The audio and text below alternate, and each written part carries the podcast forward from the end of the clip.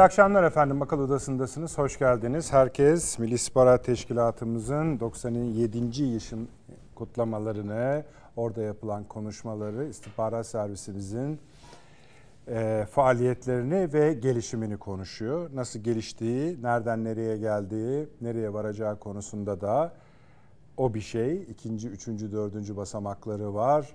Şu an bulunduğu bölgede de dünyada da Milli İstihbarat Teşkilatı Türk güvenlik mimarisinin önemli bir ayağı olarak faaliyet gösteriyor. Bu mücadelenin içinde yani şu anda istihbarat savaşları veriyor. Onların bir kısmını, küçük bir kısmını takip edebiliyoruz yansıdığı kadarıyla. Büyük bir kısmını da göremiyoruz. Biz de e, hem Sayın Cumhurbaşkanı'nın orada yaptığı konuşma var hem Sayın Başkanı yani İspat Teşkilatı Başkanı Sayın Kalın yaptığı konuşmalar var. Bu konuşmaların içinde 3-4 parçalık bölümler var. Bu bölümler Türkiye'nin geleceğine ilişkinde önemli e, ipuçları veriyor. Bir tanesini söyleyeyim, diğer sonra içeride biraz daha e, açacağız muhakkak. E, bir eksen konuşması yaptı Sayın Cumhurbaşkanı. Tamamını da vereceğiz biraz sonra. Türkiye'nin ekseni nedir sorusuna ilişkin bir cevap. Fakat şimdi biz bu cevabı biraz açmak istiyoruz. O tabi dünyada Türkiye'ye doğudan, batıdan, kuzeyden, güneyden nasıl bakıldığına ilişkin bir cevaptı. Ama şimdi onu biz biraz daha jeopolitik açıdan da, stratejik açıdan da yerli yerine oturtma konuşmaları yapmak arzusundayız. Başka, işte, başka tabii ki açıklamalar da var. İşte İsrail'e yönelik açıklamalar var. Bir dakika daha yeni başlıyoruz fazla heyecanlanmayın, şaşırmayın mealindeki konuşması var. Yine Sayın Kalın'ın e, hani erteleriz ama unutmayız. Türkiye öyledir açıklaması var. Yeri gelince uzun uzun konuşacağız. Ana konumuz budur efendim. İkinci konumuz efendim soykırım davası başladı. Güney Afrika'nın şikayetçi olduğunu, daha doğrusu davacı olduğu diyelim ama şu an itibariyle 40'a yakın ülke tam destek açıkladılar. Bazı uluslararası kuruluşlar da Güney Afrika'nın arkasında olarak İsrail'in soykırımda yani Hollanda Lahey'de Uluslararası Adalet Divanı'nın önünde bulunan İsrail'e karşı e, davanın arkasında bulunduğunu açıkladılar. Bunun yanında ABD Dışişleri Bakanı'nın Blinken'ın e, Orta Doğu ziyareti devam ediyor. Bugün Mısır'daydı. Aslında şu kadar deyip bitirmek istiyoruz ama yaramız büyük olduğu için Gazze'de hani ne yaptığına da dikkat etmemiz gerekiyor. Pek bir şey çıkmıyor. Ama şöyle tehlikeler var efendim. Bu Avrupa affedersiniz Arap Yarımadası'nın altında bir gerilim hattı oluşmuş durumda. Herkes Amerika vurdu vuracak diye bakıyor. İnşallah öyle de bir şey yapmazlar. Onu da konuşacağız. Bu arada Ekvator, Peru birkaç küçük ülkede iç savaşlar başladı. Yani bir çivi çıkma durumu var dünyanın belli yörelerinde. Ona zamanımız ne kadar kalır bilmiyorum. Epstein davası bütün Batı'yı esir almış halde onunla yatıyorlar, onunla kalkıyorlar. Biz de konuştuk biliyorsunuz. Salı günleri yani bizim bakış açımız tabii ki farklıydı ama onlar çok bağışlayın sanki böyle bir porno film izlermiş gibi izliyorlar ve dünyanın gerisinde olanları yine gözlerini kapatmaya başladılar. Buna da biraz değineceğiz. Bu İsrail koridorları vesaire falan hep konuşuluyor. Polonya'da sorun var, İtalya'da sorun var. Bunlara da şunu da söyleyeyim de Türkiye, Suudi Arabistan, Pakistan arasında bir savunma işbirliği anlaşması imzalandı. Karadeniz'de de bir anlaşma var. Onların hepsini değerli konuklarımıza soracağız. Çok başlığımız var.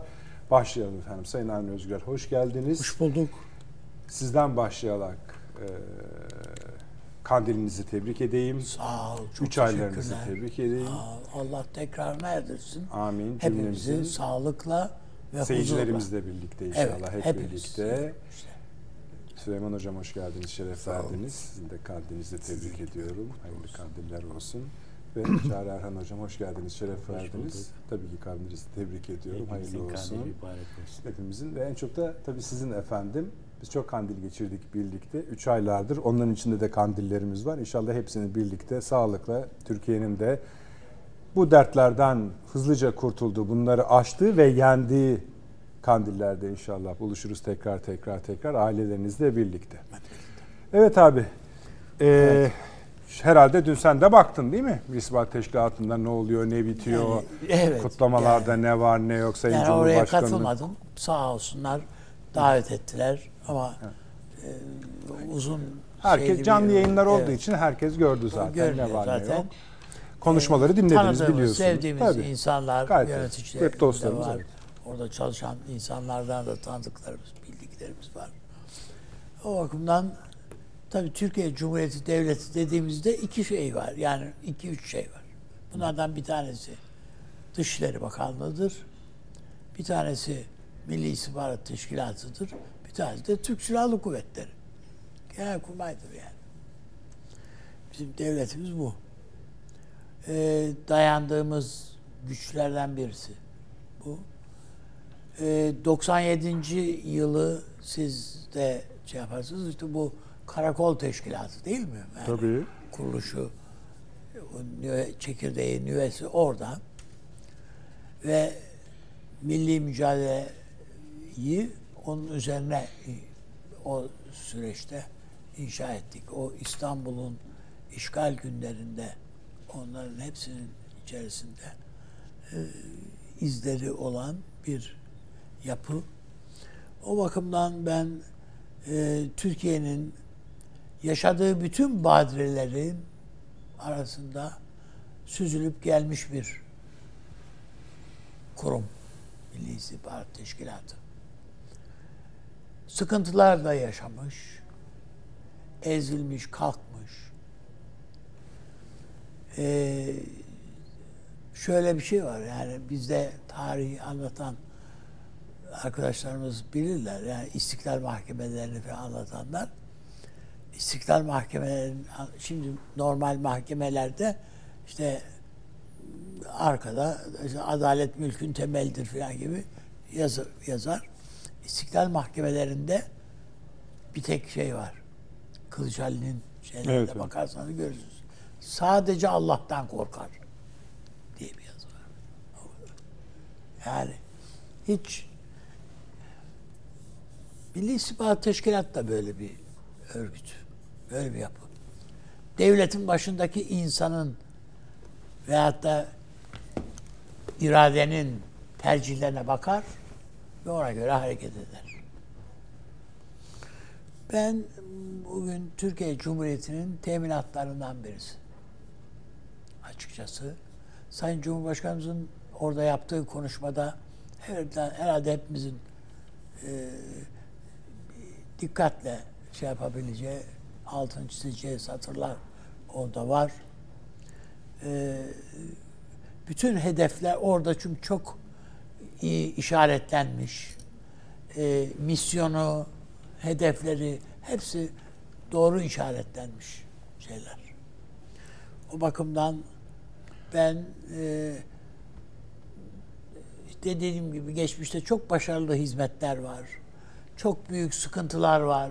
Yani o darbeler döneminde yaşanan hadiseler var. O teşkilatın e, içinden geçtiği koridor diyeyim ona. O var. Şimdi 12 Mart dönemini bi- biliyorum. O dönemin kritik, hassas insanlardan birisiydi. Rahmetli Fuat Doğu. Ondan dinledim bazı şeylerini, ayrıntıları. Yazdım da zaten. Şöyle bir şey söyleyeyim. Ama yakın dönemde bir devlet analizi yapmaya yöneldi. Milli İstihbarat Teşkilatı.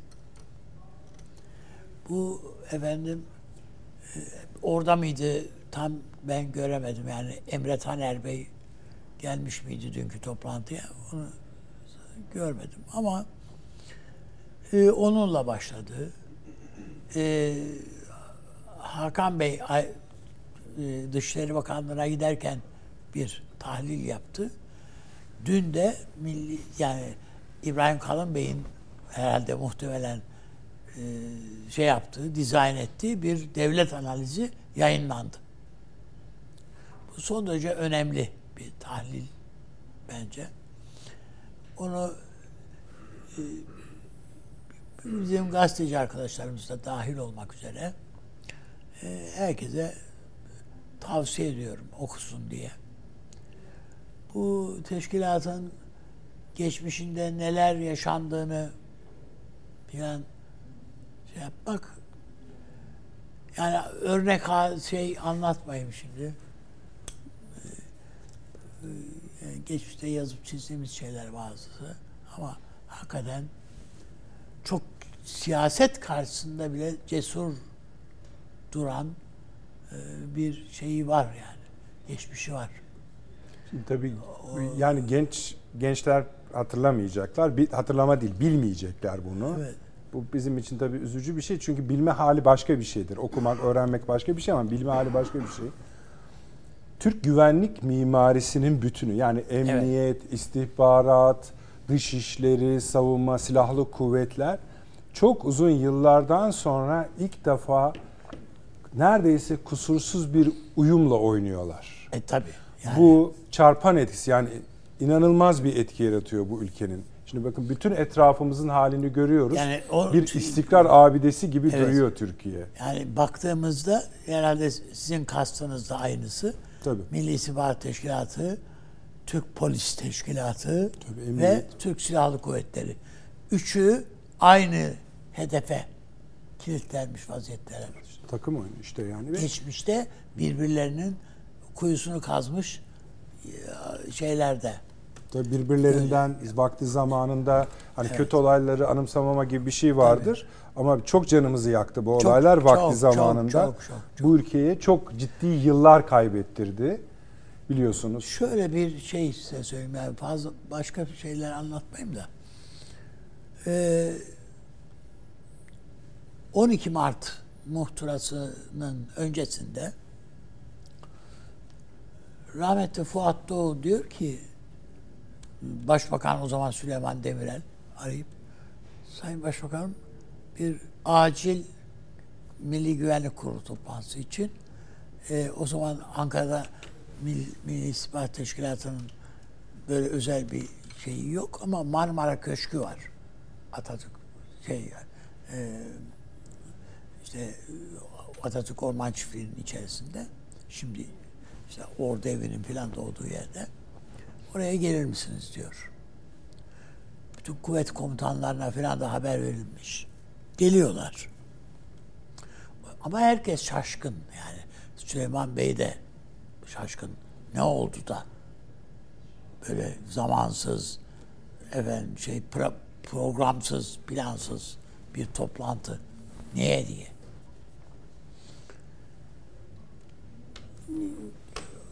Fuat Bey Paşa anlatıyor yani işte ve bir, bir sürü yani Türkiye'nin çevresindeki güvenlik meselelerinden falan söz ediyor. O sırada e, rahmetli Demirel diyor ki paşam bunları an, yani bunlar bildiğimiz burada tartıştığımız şeyler. Şu anda bizi aciliyetle buraya davet edişinizin sebebini de lütfederseniz e, filan diyor. Ama belli ki Demirel'in beklediği başka bir şey var ama Süleyman Bey de gergin yani hiç şey değil. Ben kendisinden de Süleyman Bey'den de sonra dinledim. Daha kötü bir takım şeyler bekliyor Süleyman Bey. Fuat Paşa'dan duymayı bekliyor. Ama orada kuvvet komutanları var. Eğer çok daha kötü bir şey olacak olsa herhalde en basitinden o kuvvet komutanları telaş içerisinde olur veya daha agresif bir tutum sergilerler idi dedi. Şey, Süleyman Bey.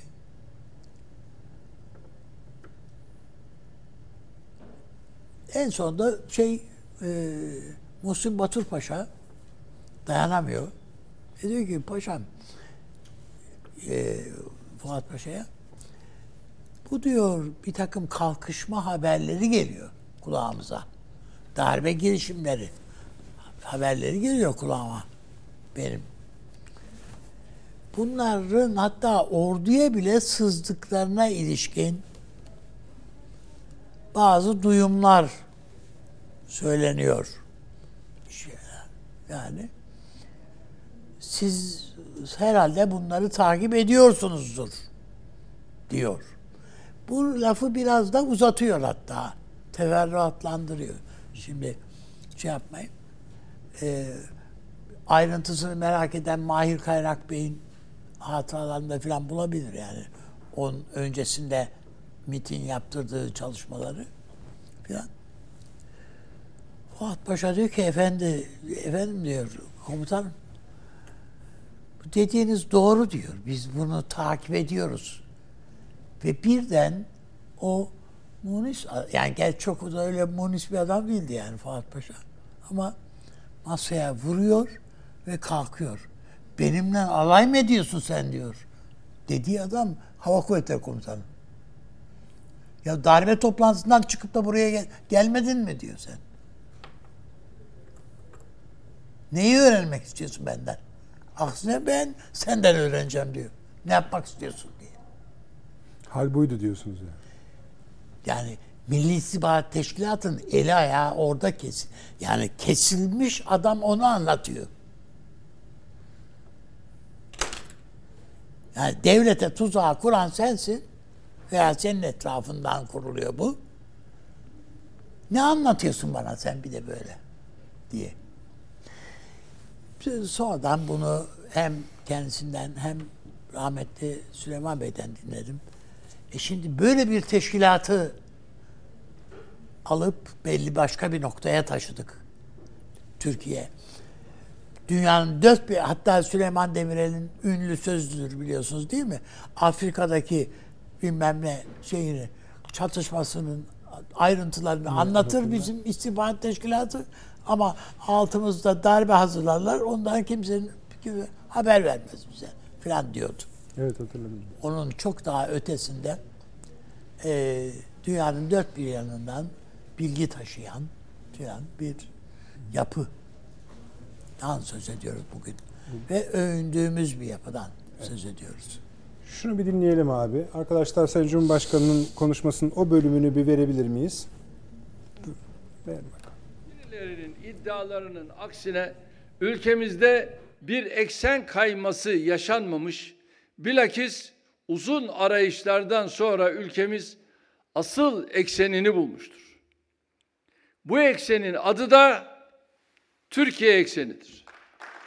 Eskiden olduğu gibi başkaları ne der kaygısıyla hareket etmiyoruz. İç ve dış siyasette aldığımız her kararı, hayata geçirdiğimiz her politikayı tamamen Türkiye eksenli olarak belirliyoruz. Evet. Evet. Şimdi mesela sorduğumuzda nedir bu Türkiye ekseni dediğimizde genellikle e, yerli ve milli duruşun siyasi fonksiyonu olarak Evet. anlatılıyor. Yalnız bu o kadar değil. Bunun dünyada bölgede jeopolitik ve stratejik bir tarifi gerekiyor. Siz ne anlıyorsunuz Türkiye ekseninden bu anlamıyla ama? Şöyle Tabii ki biz öznesi Türkiye ve Türk yüzyılı var şu var. E, tamam onları bir tamam siyasi yorumu bugün bu. zaten somutla indirgenmiş bir halde yani işte bir Türk dünyası şeyi var e, teşkilatı var değil mi şu anda hem üye ülkeler var onun ötesinde doğuda batıda onun ötesinde bütün olaylara uluslararası olaylara buna Türkiye'nin ittifakları dahil yani NATO dahil her bir şey dahil yani. Bütün bunlara Türkiye penceresinden bakan, o eksenden bakan dünyaya e, bir e, şey misyonu temsil ediyor bu kurum. O bakımdan ben yani Cumhurbaşkanı'nın işaret ettiği şey tablo budur. Bu bütün kurumlar için bir şey, İlke gibi. ilke ve bir kutup noktası bu. Bu uzay araştırmaları için de böyle. Bu e, savunma sanayi için de böyle. Bu efendim e, dış politika belirleyicileri için böyle. Keza onun dışında işte yatırımlar ya da ekonomi şu bu. Her alanda hayatın her alanındaki faaliyetler için tamamı için bu, bu geçerli. İşte Türkiye istihbarat ekseni. faaliyetleri içinde bu eksen üzerinde. aynı şey Çünkü orada yapılan bir konuşma bu. Tabii, doğru. Peki ben biraz daha zorlayayım müsaade ederseniz sizi. Bu biliyorsunuz bu eksen tartışması yeni bir şey değil. Evet. E, son 5 eksen yılımız. kaydıydı, Eksen kaymadıydı. kaydıydı, Evet. kaymadıydı. Şöyle tarif etsek herhalde yanlış olmaz değil mi Anan? Onların ekseniniz kaydığı dediği şey Batı'nın yörüngesinden ayrılmanız ya da uzaklaşmanız anlamına mı geliyor? Tabii ondan, O, peki. ondan o telaştan kaynaklanıyor. Peki bizim şimdi bu Türkiye ekseni Batı'yla ilişkilerine göre daha mı uzak? Şöyle bir şey söyleyeyim. Yani burada uzak ya da yakınlıkla alakalı değil. Ama bakın siz Aynı de pencereden bakıyoruz. ilk çıkan kelime Türk Devletleri Evet. Teşkilatı Tabii oldu. doğru. Ama şöyle bir şey var. Aynı şeyi mi algılıyoruz Batı'yla? Bir konuda, bir olayda. Bakın bugün e, Trump Amerika'da bir konuşma yaptı. Seçim konuşması. Evet. Orada bir cümle var. Buna ona soruldu. Yani internete keşke onu kaydetseydik, verirdik. Çok güzel bir şey. Efendim bu NATO konusunda kararlı mısınız dediler Trump'a. Keşke ben söyleseydiniz alırdık. Evet. Ve orada Trump'ın bir cümlesi var. Diyor ki bizim çıkarlarımızı temsil ettiği kadar ben NATO'yu benimseyebilirim. Ama eğer bizim çıkarlarımızın dışındaysa bizim böyle bir bağımlılığımız yoktur. Kafamızda yani öyle NATO diye bir şey yok diyor adam. Bizim çıkarlarımızı temsil ediyorsa mesele yok. Şimdi aynı şey Türkiye için de geçerli. Bizim çıkarlarımızı temsil etmenin ötesinde eğer zarar vermiyorsa bize bu manada biz faydadan vazgeçtik de Tabii tabii. zarar vermiyorsa bizim için bir sorun değil. O ittifakın içinde yürürüz, dayanışırız.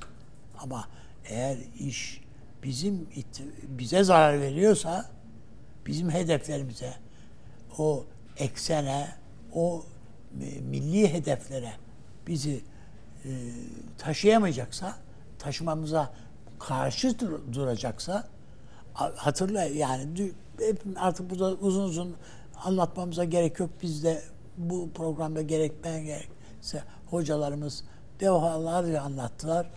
Yani Amerika Birleşik Devletleri en son kertede dedi ki Türkiye'nin Türk Silahlı Kuvvetleri ve Türkiye bizim ulusal çıkarlarımıza zarar veriyor dedi. Hatırlıyoruz değil mi? Gayet. Suriye Suriye'de Evet. ve nihayetinde bizim uçağımızı düşürdüler. Bunlar. Yanlış yerde duruyorsunuz diye. Yani oraya baktığınız vakit onun için bu zarar veriyor noktasındaysanız hiç o ittifakın o e, dayanışmanın bize bir faydası gere- gereği yok yani.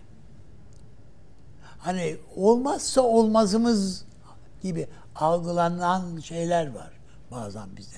Bu NATO'ya ve SENTO'ya bağlıyız diye darbeler başlar bizde. Yani birinci cümle bu. Ya adam NATO'ya SENTO'ya değil, sen Türkiye Cumhuriyeti'ne bağlısın yani. İlk şeyin cümlenin bu olması lazım. Ama e, ben önümüzdeki dönemin bunu inşa dönemi olacağını düşünüyorum. Bir, iki, tabii çok muazzam bir e, savunma sanayi yapılandırıyoruz. Orada da bir şimdi Biz- onu da şöyle ayrıca konuşacağız. Yani, savunma sanayinin üzerine çok konuşuluyor Türkiye'de. İzleyicilerimiz de merak ediyorlar ama bence şu hepsinin üstündeydi. Orada söylendi. Biz yeni dönemde buna olan ihtiyacı en önce fark eden ülkeyiz. Yeni dönemin buna büyük ihtiyaç duyduğunu yani bir savunma sanayi, iki silahlı kuvvetlerin aktif, dinamik ve korkutucu olmasına ilişkin politikayı ne olan küresel ihtiyacı Ankara ilk fark eden ülke. Bu çok Ama sadece şey. değil bakın sadece biz fark etmiyoruz. Amerika'da fark ediyor ki 15 Temmuz'u yaşadık. Ha, Güzel. Bence Bir de o var yani. Yani Sonucunu evet bu Türkler başka şey istiyorlar.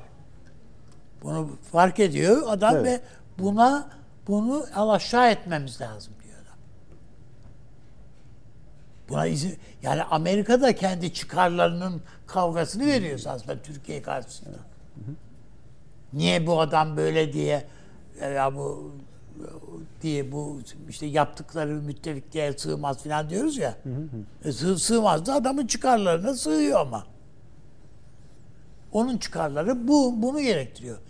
Biz kendi çıkarlarımız istikametinde o doğrultuda organize olamamışsak bugüne kadar mesela geciktik mesela biz bu tabi geciktik derken artık belki de öyle dememek lazım. Zamanı öyleydi. Biz bütün bu e, uçakları şu e, işte sihaları falan hepsini dahil yani onun ötesinde işte bu Kaan gibi e, şeyleri falan uçakları. Ona da az kaldı Tabii Kaan'a. Hürkuş falan. O da o da çünkü çok muazzam bir proje yani. Yani bütün bunlara bak baktığımızda yani kıyısındayız şu anda. Bir beş sene sonra ister ver ister verme noktasına geleceğiz.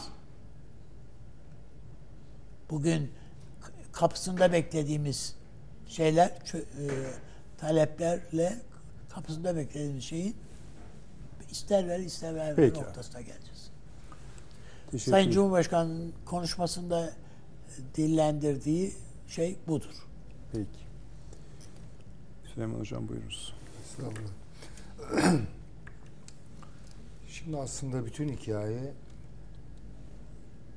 üzerine bastığımız toprakların jeopolitik ve jeokültürel e, yapısını anlamakla ve onunla barışmakla ilgili. NATO'nun bize ödettiği bir bedel var. Nasıl bir coğrafyada yaşadığımızı tarihsel derinliği ve birikimi üzerinden bir kavrayış geliştirmemize dönük olarak eee unutturdu. Unutturdu. Şimdi mesela Türk-Rus ilişkilerini düşünelim. Yani bunlarla işte savaşmışız, rekabet etmişiz. Hakikaten baktığınız zaman yani aşağı yukarı son 500 senelik tarih e, kabaca söylüyorum tabii ki. Bu kavgalarla geçiyor. Türk-Rus savaşları yani. Gerilimleri, rekabeti vesaire. Ama bu meyanda çok yoğun kültürel ilişkiler de kuruyoruz. Değil mi yani?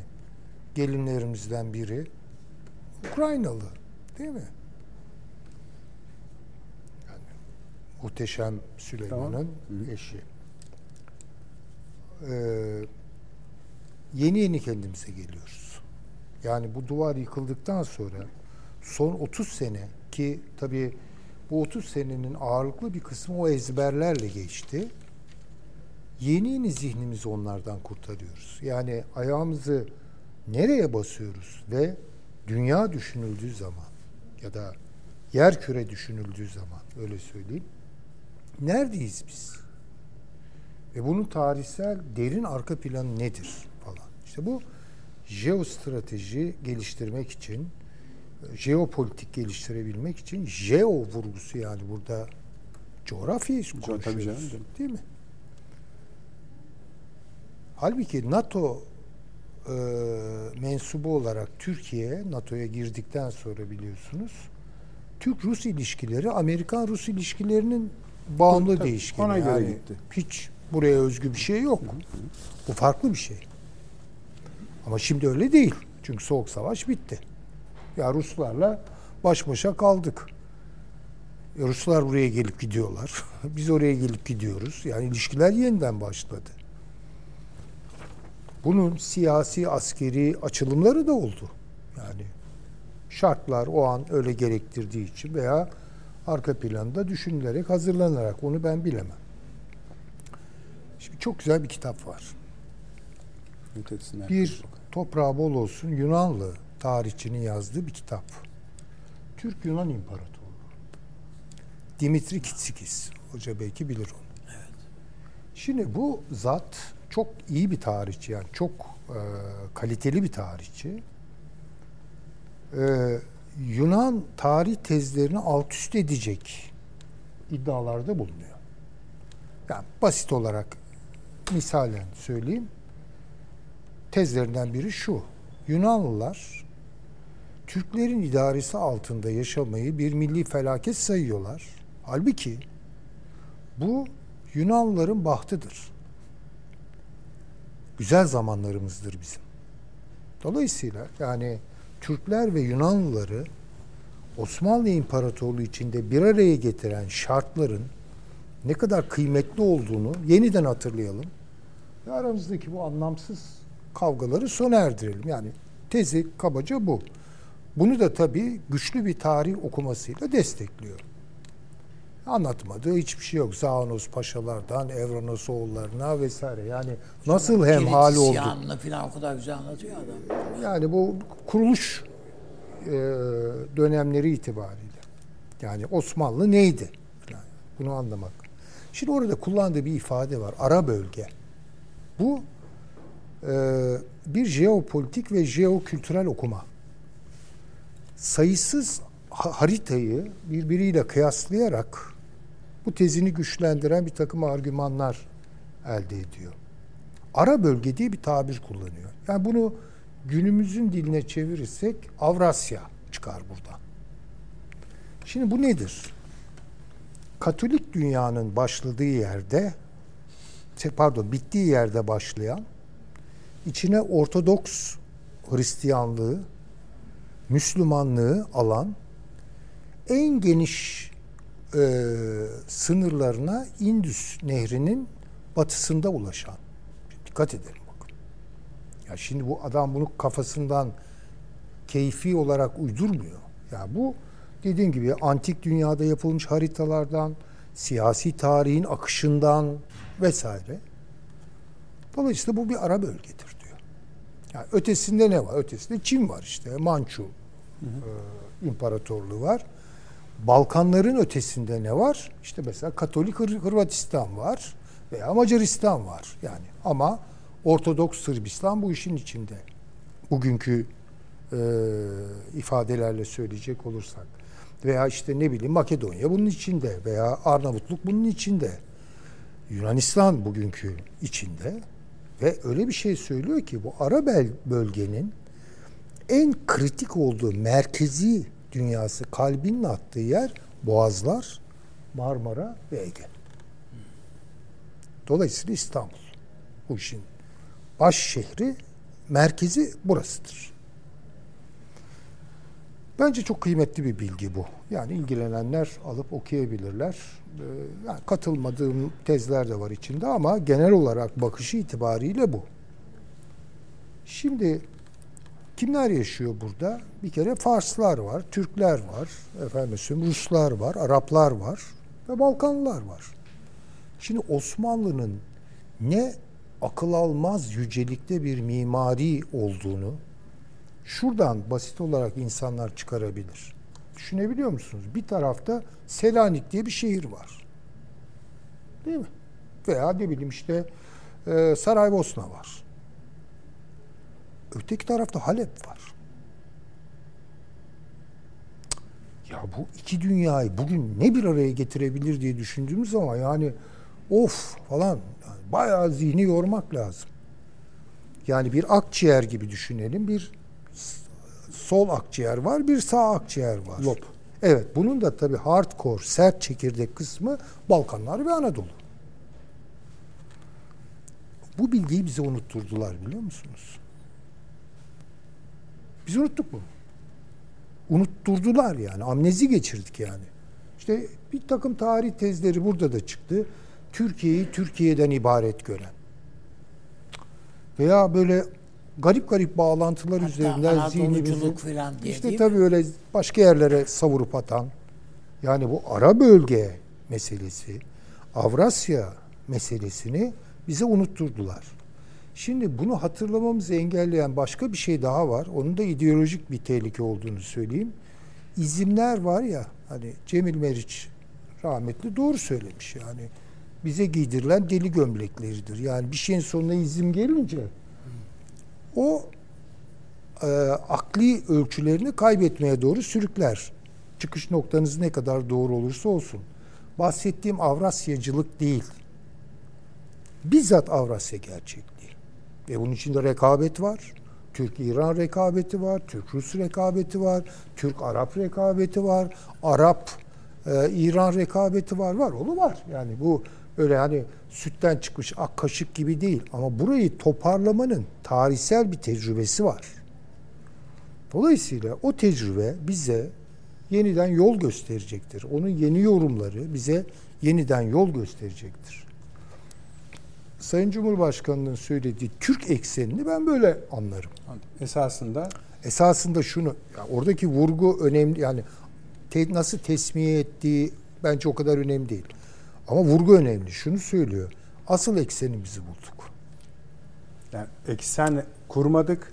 Orada Olmadı ki. duruyordu. Zaten duruyorduk da Heh.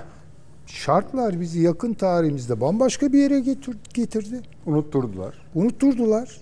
Ama bugün onu hatırlıyoruz ve buradaki potansiyelimizle e, kendimizi tartmaya başladık veya ilişkilerimizi ona göre kurmaya doğru gideceğiz.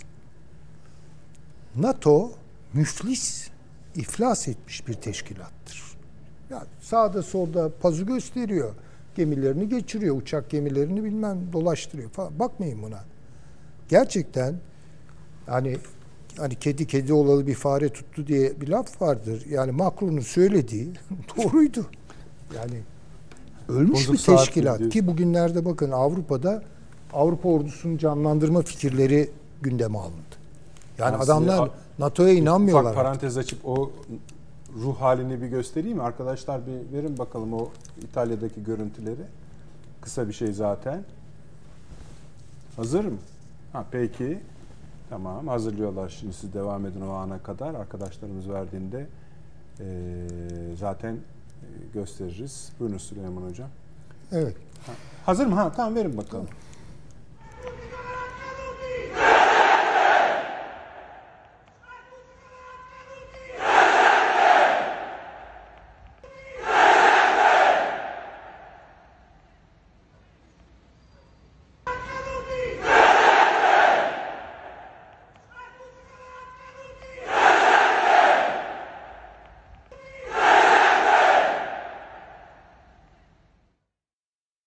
Konuşabilirsiniz hocam. Buyurunuz. Yani bakın gene kitsi kitsi doğruluyor. Şimdi yani epey geçti üzerinden de belki keşke buraya gelmeden evvel biraz tazeleseydim bilgilerimi ama bunlar da onu hatırlatıyor bana. Bu kutsal Roma Cermen İmparatorluğu'dur. Evet. Yani odur o. Tabii o Roma'yı atın. Kutsallığını da atın. Evet. Cermenliğini de atın. Ama bu Avrupa'dır işte. Dolayısıyla şimdi Avrupa'da kendi jeopolitiğini hatırlamaya başlıyor bunda. Yani herkes kendi jeopolitik gerçekliğini belli bir tarih arka planı üzerinden yeniden hatırlıyor. Çünkü İkinci Dünya Savaşı'ndan sonra kurulan dünya yani Soğuk Savaş dünyası herkese amnezi uyguladı. Yani Ruslar da unuttular bir sürü şeyi. Avrupalılar da unuttular. Yani Atlantik başka bir şeydir çünkü. Yani problem şuradan başlıyor. Niye ben bunu söylüyorum? Atlantik merkezli bir dünyayı kurduğunuz zaman bunun elbiselerini Avrupa'ya giydirmekle Avrasya'ya, ara bölgeye giydirmek ve Asya'ya giydirmek bayağı böyle bir kozmetik yatırım yani. Ama dökülür o kozmetik. Tutmuyor şimdi. Şimdi şöyle mi? Yani siz orada sanki bir ayrıma gitmiş gibisiniz Süleyman Hocam. Şimdi bu görüntüler mesela Roma'da sanki bundan 50-70 yıl önce yaş- hmm, İkinci Dünya Savaşı öncesinde yaşanan bir sürecin göstergesi gibi işte Hayır, faşist sel- selamıdır bu. Avrupa'nın kendi içindeki kavgalarıyla alakalı değil bakın. Tam Bu hala- yeni yükselen faşizm mi diyeceksiniz? Ben de tam şunu söyleyecektim size.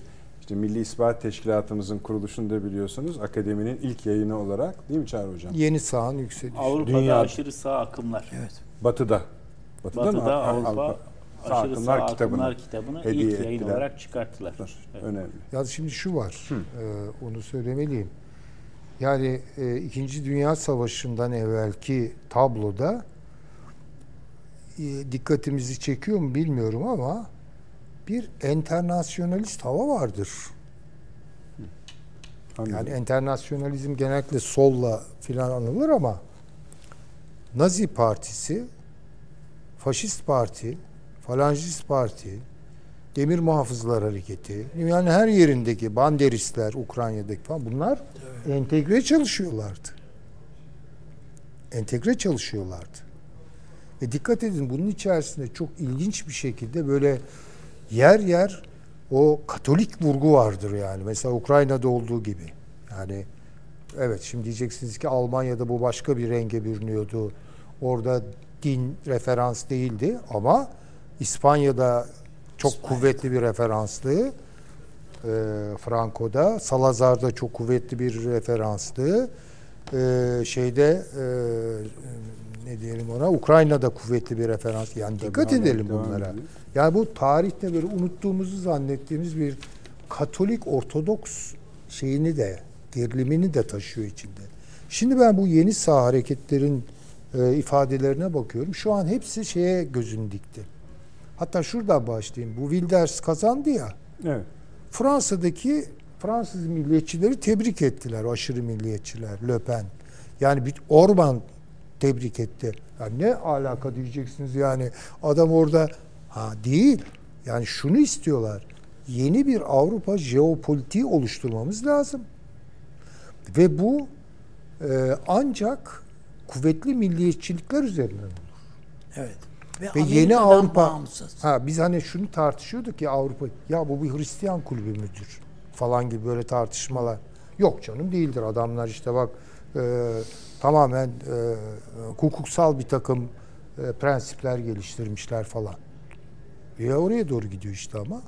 Ya burada, burada resmen tarihteki meşhur Latin Katolik Kilisesi merkezli bir Avrupa algısını yeniden yorumlayan, aynısı olmayacağı hiç şüphe yok, yeniden yorumlayan ve yeniden ayağa kaldırmak isteyen bir genel akım var Avrupa'da.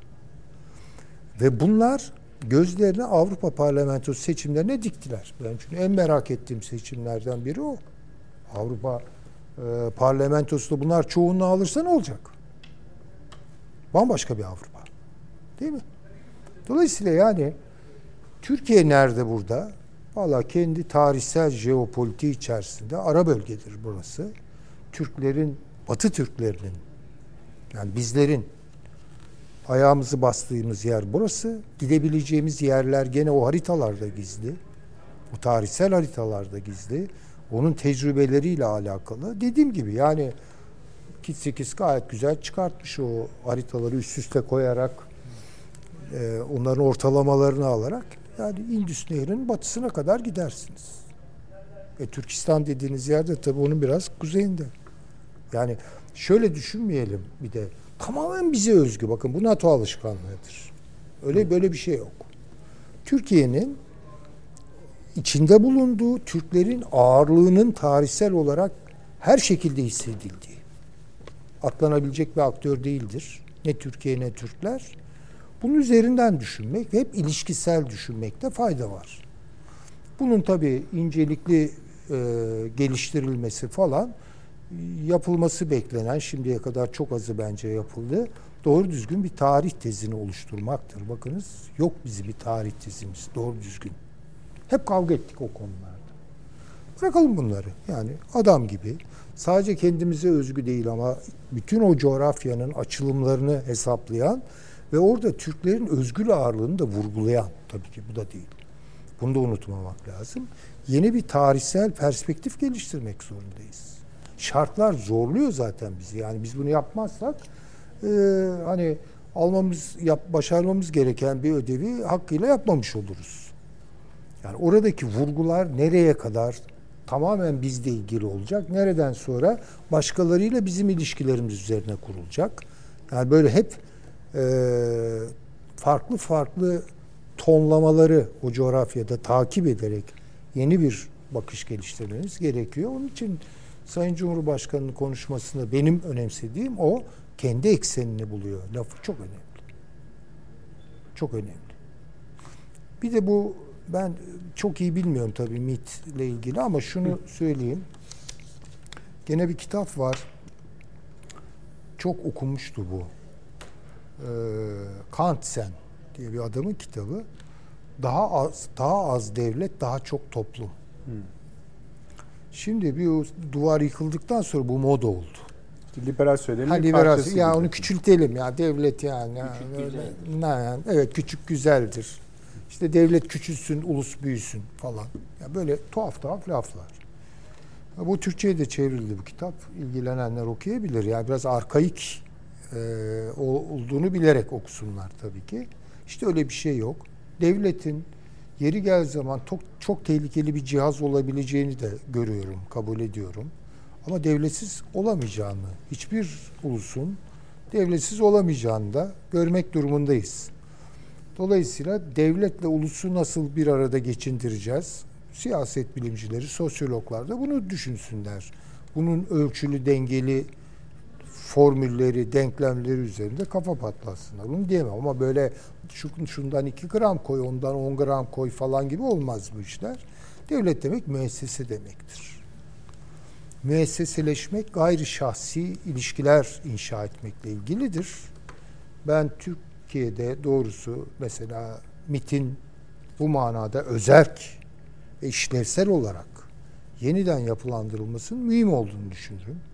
Çünkü modern dünya enformasyon dünyasıdır. Abdülhamit'in jurnal ağı vardır meşhur. Çok ilginç mektuplar var orada. Mesela adam komşusunu da şikayet ediyor. Diyor ki bu diyor muzır bir adamdır diyor. Jönlerle düşüyor. Aslında kiracısı attırmak istiyor filan. Hepsini gayet iyi depolamıştır Abdülhamit.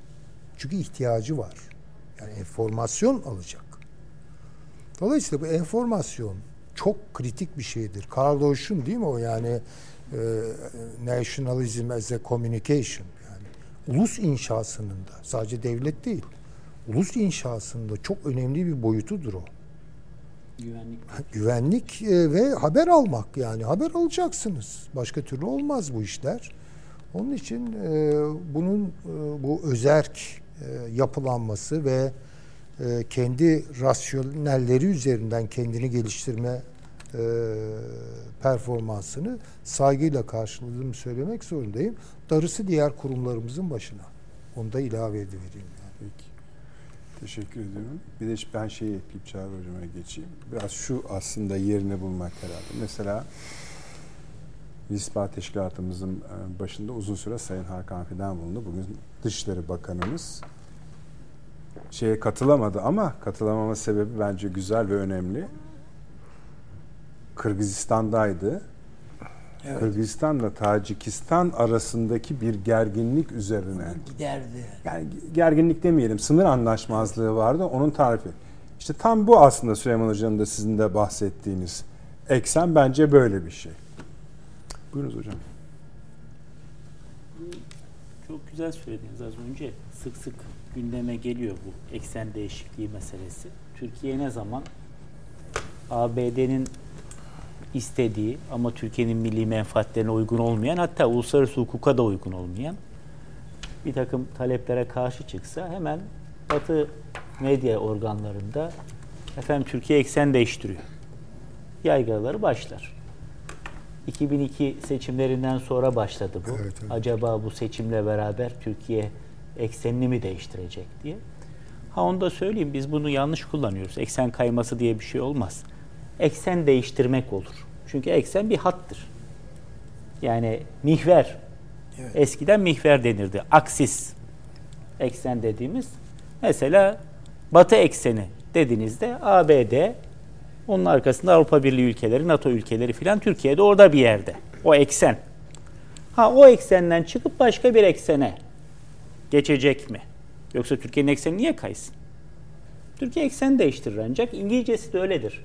Aksis shift derler buna. Biz tercüme ederken her nedense biri öyle tercüme etmiş. Bugüne kadar da gelmiş.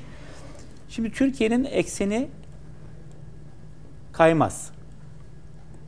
Süleyman Hocam'ın tarif ettiği işte Indus Nehri'nin batısına kadar Balkanlardan başlayarak değil mi?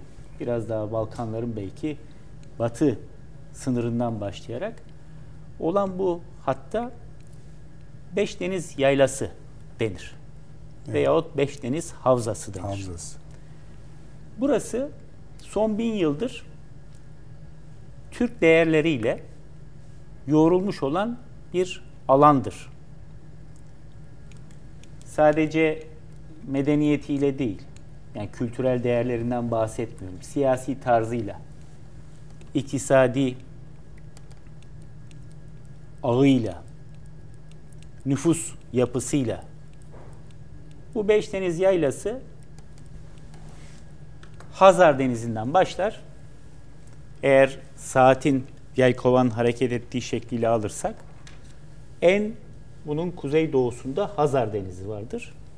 Hazar, daha sonra gelir Basra Körfezi, sonra Kızıldeniz, Akdeniz. sonra Akdeniz ve Karadeniz. Türkiye'nin etrafında böyle bir daire düşünün. Esasında bu beş e, deniz tek havza olarak tarif Tek ettik. havza. Miğfer hatta. Ha, bu mihverin bu mihverin Eyvallah. göbeğinde, merkezinde Türkiye vardır. Türkiye ekseni budur. Türkiye'yi buradan çıkartırsanız hiçbir şey burada yürümez. Türkiye ile kaimdir bu. Türkiye ekseninden kasıt Türkiye ile kaim olan bir sistem. Nitekim siz Balkanlarda, Karadeniz'de, Akdeniz'de, Kafkasya'da, Orta Doğu'da Türkiye'nin müdahil olmadığı veyahut Türkiye'nin fikri alınmadan, Türkiye'ye danışılmadan herhangi bir harekete girişemeyeceğini herhalde son dönemde çok net bir şekilde gördük. Sayın Cumhurbaşkanı dün konuşmasında dedi ki bu ekseni Türkiye ekseni tarif ettikten sonra dedi ki mesela biz dedi Karabağ'da işte o Hazar o yaylanın Hazar bölümü. Biz dedi Libya'da yani Akdeniz bölümü. Biz dedi Suriye'nin kuzeyinde harekatımızla, harekatlarımızla. Biz dedi Irak'ın kuzeyindeki harekatlarımızla. Buradaki gidişatı değiştirdik. Huzur getirdik. Yani Türkiye olmasaydı Karabağ savaşı böyle neticelenmeyebilirdi. Keza Libya'da meşru hükümet tekrar gücünü sağlamlaşmayabilirdi. Hazar işte. Evet. Dolayısıyla Türkiye ekseninden anlaşılması gereken budur. Peki Türkiye ne yaptı? ABD'nin dümen suyundan çıktı. Şimdi bazen hani isminin açıklanmasını istemeyen bir yetkiliye dayanarak gazeteciler Kaynaklar. Evet. şey yaparlar ya, İsimsiz kaynaklar. isimsiz kaynaklar. Dün de çalışan gazeteciler günüymüş. Onu da tebrik ediyorum. Eksik Şahsınızda bütün gazetecilerin. Eksik olmayız. isminin açıklanmasını istemeyen bir yetkiliye dayanarak diye haber yaparlar. Abi sizin de gazeteciler gününüz kutlu olsun. Bizim Milli Güvenlik Kurul açıklamaları da ismini açıklamadıkları bir ülke üzerinden yürüyor. Halbuki siz okuyorsunuz her yeriyle diyor ki Amerika Birleşik Devletleri senin bu yaptığın müttefikliğe sığmıyor. Ama diyor ki bir müttefikimiz diyor. Müttefik olduğunu söyleyen, güya müttefik olan bir ülke şöyle yapıyor, böyle yapıyor. Ya biz tabii akademisyen rahatlığı içerisinde ne söyleyelim? O Amerika Birleşik Devletleri. Türkiye artık epeyce uzun bir süredir Amerika Birleşik Devletleri'nin dümen suyundan gitmiyor. Geçmişte teşebbüsleri olmuştu. Rahmetli Demirel de teşebbüsleri olmuştu. Rahmetli Ecevit'in de teşebbüsleri olmuştu. Rahmetli Menderes'in de teşebbüsleri olmuştu. Ama hepsi o teşebbüslerin neticesinde maalesef ABD tarafından şu veya bu şekilde cezalandırıldılar. Yani Menderes'in teşebbüsünü hatırlayın. Evet, evet, Menderes 1958'den sonra ABD Türkiye'ye yardım vermeyince bunları da şarta bağlayınca ağır şartlara Moskova'ya gitmeye karar verdi. Ve şayet 27 Mayıs darbesi olmamış olsaydı Temmuz ayında rahmetli Menderes Moskova'ya gidecekti. Ve parayı da bulacaktı. Para, teknik yardım işte Nasır ne yapıyordu? Para değil ama uzmanlar geliyor. Nitekim bu hadiseden yaklaşık 15 sene sonra Demirel zamanında Sovyetler geldiler. İskenderun Demir Çelik'ten Seydişehir Alüminyum'a kadar 16 Ali Ağa'ya kadar Petkim'e kadar 16 tane değil mi Türkiye'de fabrika yaptılar bunlar. Ama bu 15 sene evvel olabilirdi. 10 sene evvel olabilirdi. Olmadı. Keza işte 71 muhtırası. Rahmetli Çağlayangil. Diyor ki bunun arkasında haşhaş vardır. Başka bir şey aramayın diyor. Biz diyor hayır yasaklamayacağız. CIA Haşhaş ekimini. oymuş. Haşhaş Biz ekimini yasaklamayacağız. Mağdur etmeyeceğiz Türk köylüsünü, çiftçisini dedik diyor. Darbe oldu diyor.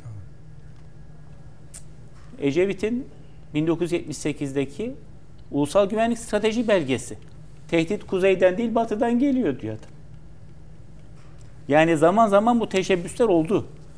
Fakat bugün sadece zihni bir teşebbüs olmaktan çıktı bu. Biz maddi şartlarını da meydana getirdik Kurarak. kurarak ilerledik. Sayın Kalın'ın dün yaptığı konuşmada çok dikkat çekici bir husus dedi ki Türkiye kuantum sıçraması yaptı dedi. Yani biz efendim ağır sanayi icat edelim. Ondan sonra yok teknolojik devrimi de yapalım, bilmem ne edelim. Adam 100 sene önünde senin. Oyunun yolunu takip ederek gidemezsin. Türkiye ne yaptı? Bir sıçramayla teknolojik devrimin tam önüne geçti. Az önce dediniz ya, Türkiye'nin ilk önce fark etmesi hikayesi. Ben de çok önemsiyorum onu evet. Yani. SİHA'yı ilk önce, drone teknolojisini ilk önce fark edenlerden biri olmaz. Evet. Tabii ki ABD, İngiltere, Çin, Rusya bunlar büyük devletler ama hatta Rusya geride. Rusya çok da fark edememişti Türkiye bu işe girdiğinde.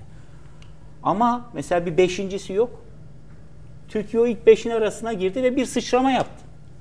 O sıçrama beraberinde böyle bir şey ki bir kapıyı açıyorsunuz. Bütün teknolojik buluşlar askeri teknolojiyle başlıyor aslında. Siz bir şey buluyorsunuz o tıbba bir tıbbi cihaza da dönüşüyor. İletişimde bir cihaza dönüşüyor. Enerjiyle ilgili bir cihaza dönüşüyor. Ya da bir uygulamaya, bir sisteme dönüşüyor. Gerçekten de işte TÜBİTAK'ın, Aselsan'ın, Roketsan'ın, Havelsan'ın, Türkiye'nin savunma sanayi genel olarak TAİ'nin network'ünün uyum içerisinde çalışması. O uyum sadece güvenlik ve istihbarat kurumlarımız arasında değil.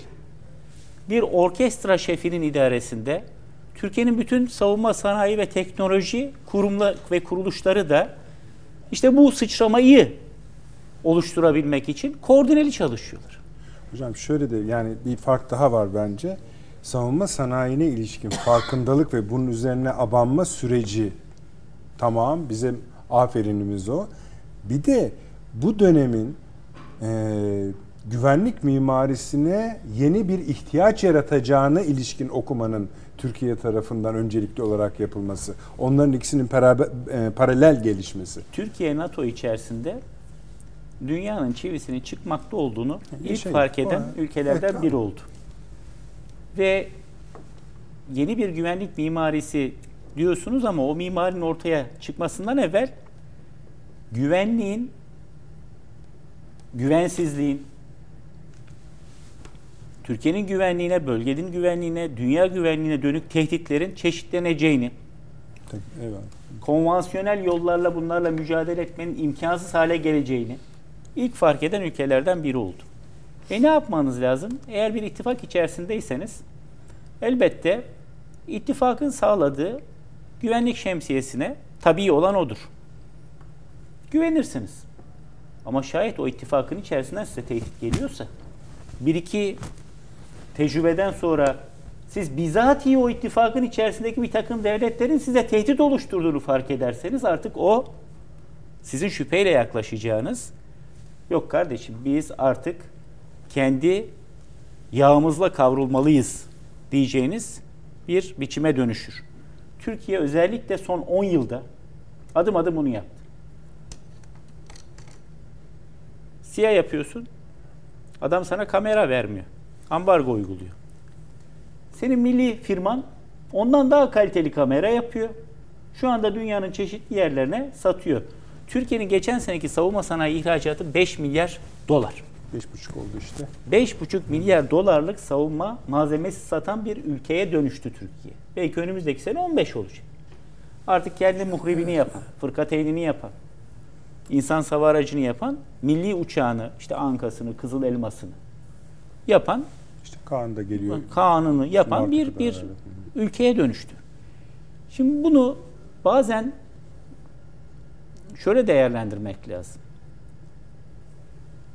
Efendim bu beş deniz yaylası içerisindeki bütün sorunları Türkiye mi çözecek? Bunlara teker teker müdahale etmeye gücü yeter mi? Mümkün mü bu? Türkiye bütün bu sorunlara çare bulmaya aday bir ülke. Ama şunu da yapmaya kararlı bir ülke. Sorun yaratmıyor Türkiye. Ve şunun farkına vardılar. Türkiye'nin dahil olmadığı hiçbir çözüm süreci de bu civarda işletilemiyor. Türkiye'nin müdahil olmasıyla ancak o çözümler temin edilebiliyor. Bir nevi bir denge unsuru haline de geldi. Siz ifade ettiniz. İlk kitabı Milli İstihbarat Akademisi'nin çıkarttığı aşırı sağla ilgili olan. Tabii şu gösterdiğiniz görüntüler belki de Avrupa'nın pek çok yerinde, İtalya'da ayrı, Tabii, tabii. Almanya'da ayrı, Hollanda'da ayrı, Fransa'da ayrı e, sık sık tekrar edilen ve seçimler sürecinde de insanlar bazen şaşırıyor. Efendim bu milliyetçiler normalde kendi ülkesinin, kendi halkının yüceltilmesini ister. Faşistler nasıl ittifaka girebilirler ki? Asgari müştereklerdi. Asgari müştereklerden bir tanesi Müslüman düşmanlığı. Onun da içinde tabii ki Türk düşmanlığı var. İkincisi de Avrupa Birliği karşıtlığı. En önemli birleştirici unsur da Hitler'le İtalyanları yani o zaman Mussolini'yi birleştiren Aryen olma. Yani biz Aryeniz. O yüzden işte diğerleriyle de bir araya gelebiliriz. Bunu öne çıkartan bir kitap.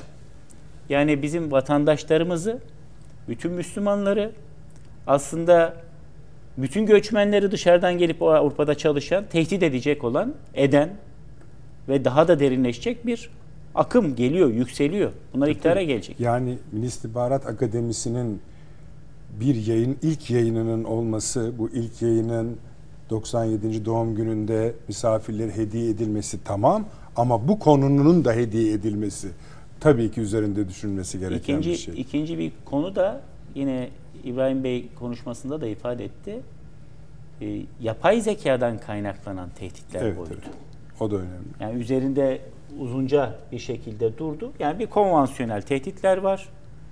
Tamam ama bir de artık o kadar süratle gelişiyor ki bu yapay zeka. İşte papalıktan tutun ABD kamuoyuna kadar pek çok yerde ya bizim buna bir hukuki çerçeve getirmemiz gerekiyor denilmeye başlandı. Yarın öbür gün acaba yapay zeka eliyle bir savaş mı çıkartılacak? Tartışması da aldı gidiyor. Mesela bu da mücadele edilmesi gereken konulardan biri.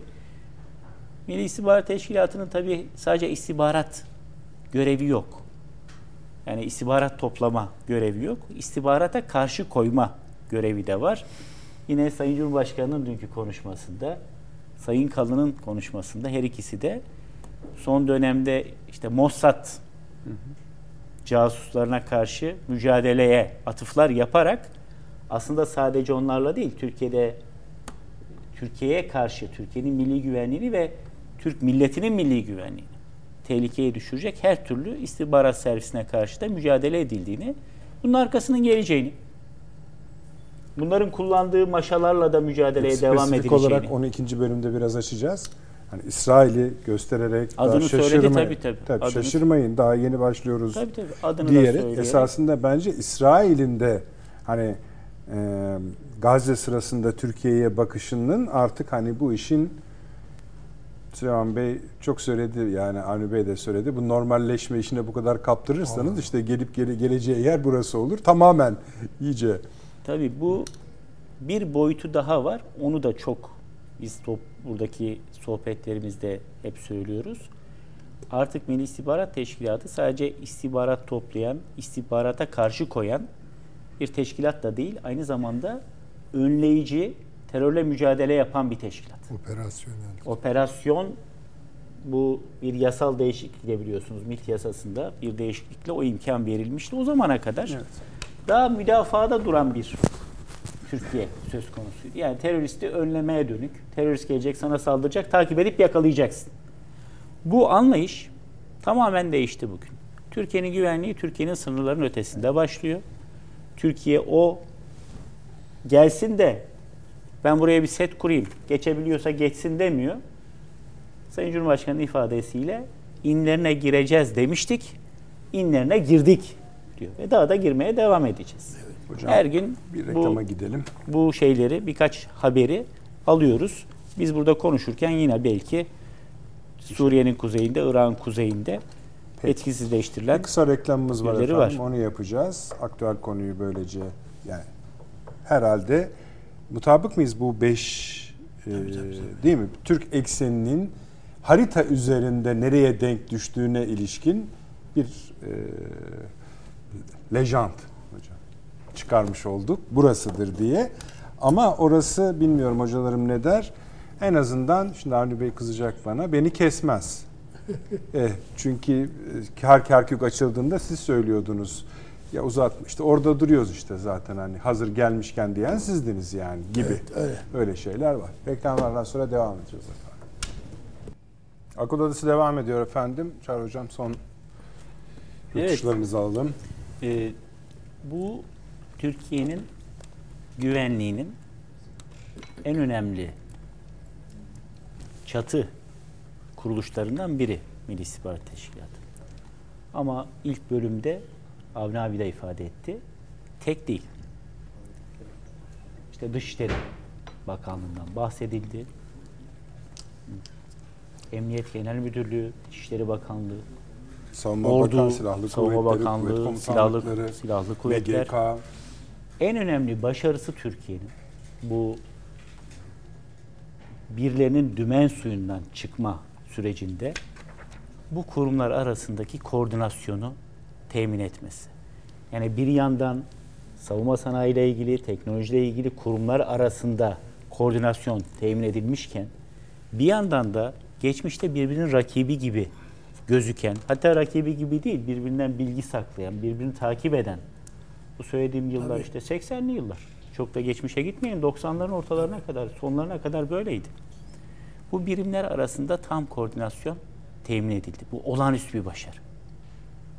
Bu dünyada pek çok ülkede olmayan bir şey. Onu da söyleyeyim. Hele bizim coğrafyamızda birbirini takip eden, birbirini takip ettirtilen istihbarat kurumlarının olduğunu çok iyi biliyoruz. Bu koordinasyonun temin edilmesiyle beraber artık biz de dosta güven, düşmana caydırıcılık veren, kendi az önce tarif ettiğimiz şekilde o beş deniz havzasında bir eksen imar eden, kendine ait bir ekseni imar eden bir ülkeye dönüştük. Dönüşmeye de devam edeceğiz. Son bir cümleyle belki bitirelim. Bugün de pek çok basın organında o vardı. İbrahim Bey dedi ki Türkiye devletimiz belki yarına bırakır ama yanına bırakmaz ihanet edenlerin yaptıkları. Bu önemli. Yani bu bir süreç. Gerçekten de ben bazen televizyonda haberleri izlerken şaşırıyorum. Diyor ki mesela 1999 yılında veyahut 2011'de şurada şu saldırıyı planlayan veyahut o saldırıya katılan şu kod adlı terörist etkisiz hale getirildi. Devlet bundan 15 sene evvel, 10 sene evvel bir saldırıya kalkışan birilerini biliyor, onları takip ediyor ve onu bir şekilde yakalıyor. İşte canlıysa hukukun önüne çıkartıyor. Yoksa çatışmada gidiyor. Etkisiz hale. Etkisiz hale geliyor. Bu çok önemli. Bu Türkiye'nin işin takipçisi olduğunu gösteriyor. Dolayısıyla bu güvenlik konularında esasen Türkiye'nin millileştiği e, çok net bir şekilde ortaya çıkmış oluyor. Peki. Şimdi teşekkür ederim. Aynen abi. Bir de bu İsrail e, şeyin altında çok özür dilerim. Hemen geliyorum abi. Bu e, çok böyle bas bas bağıran bir şey var. Yani haritayı önünüze aldığınızda. Şu an bu ülke istikrarlı bir ülke. İçeride istikrarlı bir ülke. Sıkıntılarımız yok mu? Tabii ki var. Ama güvenlik açısından istikrarlı bir ülkede yaşıyoruz. Bunun kıymeti biraz da şuradan anlaşılıyor. Her yer yanıyor. Ne konuşuyoruz biz? Her salı, perşembe, Yani yıllardır. yani yıllardır. muhafaza etsin. Amin tabii yok. Öyle artık Yani bazen nazar biz fazla diyorsun. konuşuyoruz. Bazen nazar değiyor. Eyvallah. Ee, bir de İsrail'le bir şey Evet. var, tarif var. Bu işin daha kötüleşeceği anlamına geliyor. Kimin için? Muhtemelen onlar için çünkü e, herhalde ilk defa onlar da bir darlanma halindeler uzun zamandır. Şimdi bu e, Lahey'deki mahkeme, arkadaşlar onun görüntüleri var herhalde. Onun bir canlısı varsa canlısı bile olur ama bitmiştir herhalde oturum. Şimdi şeyi de anlamadım. Çağrı Hoca'ya da soralım. Güney Amerika dedi ki bu adamlar soykırım yapıyor kardeşim diye gitti Lahey'e, Hollanda'ya başvurusunu yaptı ve mahkeme şey görülmeye başladı. Yargıçların çok sayıda yargıç var. Bunların hepsi Birleşmiş Milletler tarafından atanıyor ve bu heyetler dinlenmeye başladı. Bu ilk oturum vesilesiyle de çeşitli ülkeler çıkıp şeye destek verdiler. Ee, Güney Afrika'ya. Aslında söyledikleri şey İsrail'in yaptığı şey evet soykırımdır ve yanlıştırı.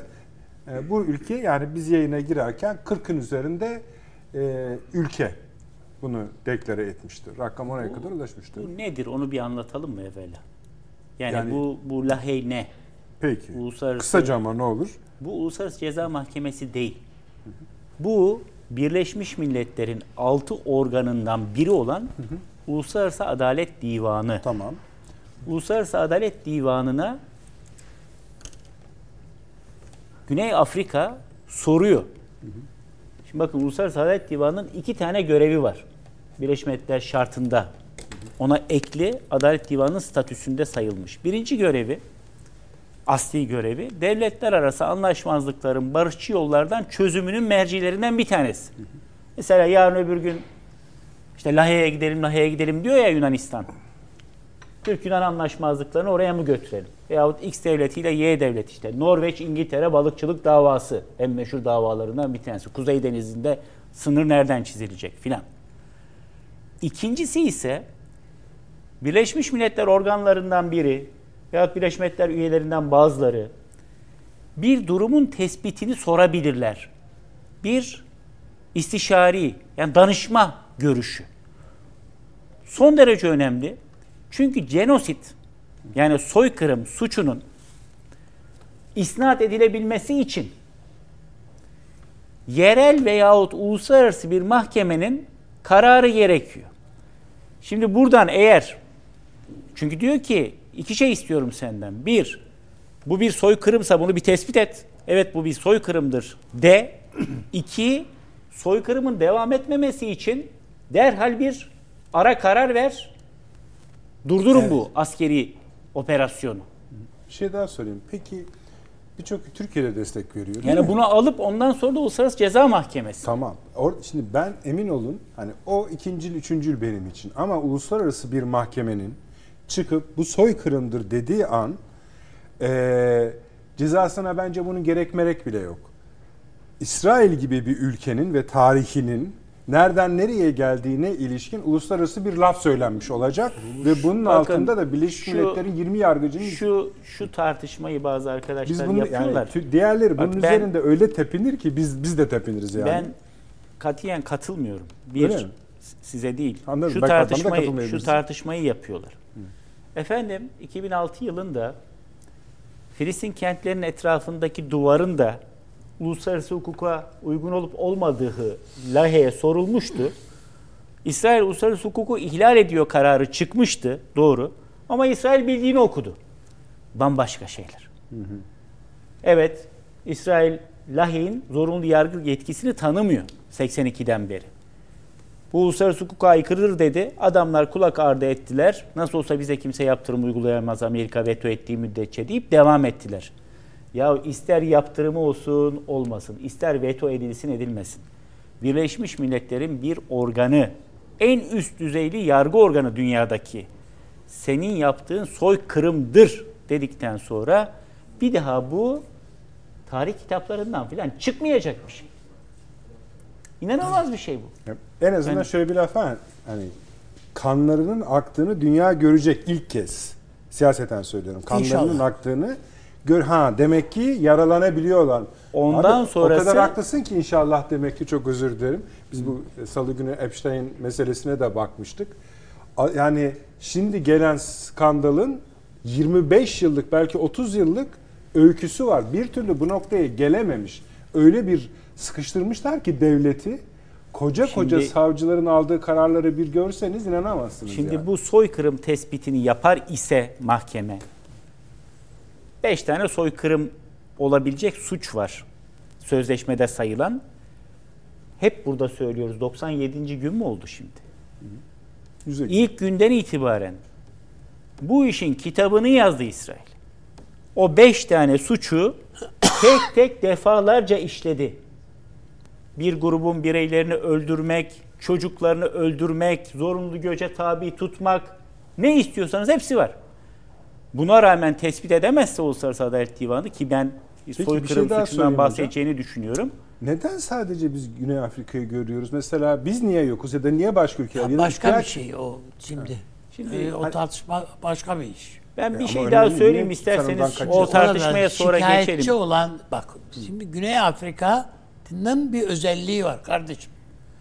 Beyaz azınlık tarafından soykırma uğrama Apartheid rejiminin ya bu olduğu rejim- on- onun baskısı altında e, şeyini varlığını ayağa kaldırmış E bunu bir ülke. abi.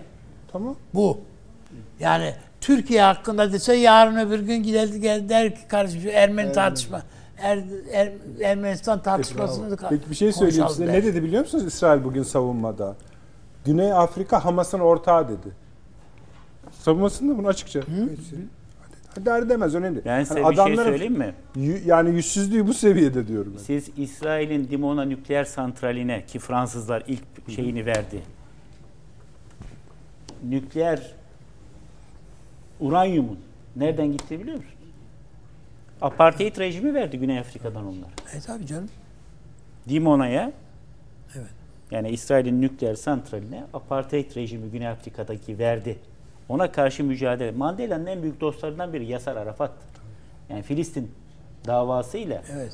bu Mandela'nın davası arasında bir dayanışma Yani vardı. öyle durup dururken olan bir şey değil. ya- şey yapmış değil yani Güney Afrika. Şimdi bu tespit edildiği anda soykırım davası ülkelere açılamıyor.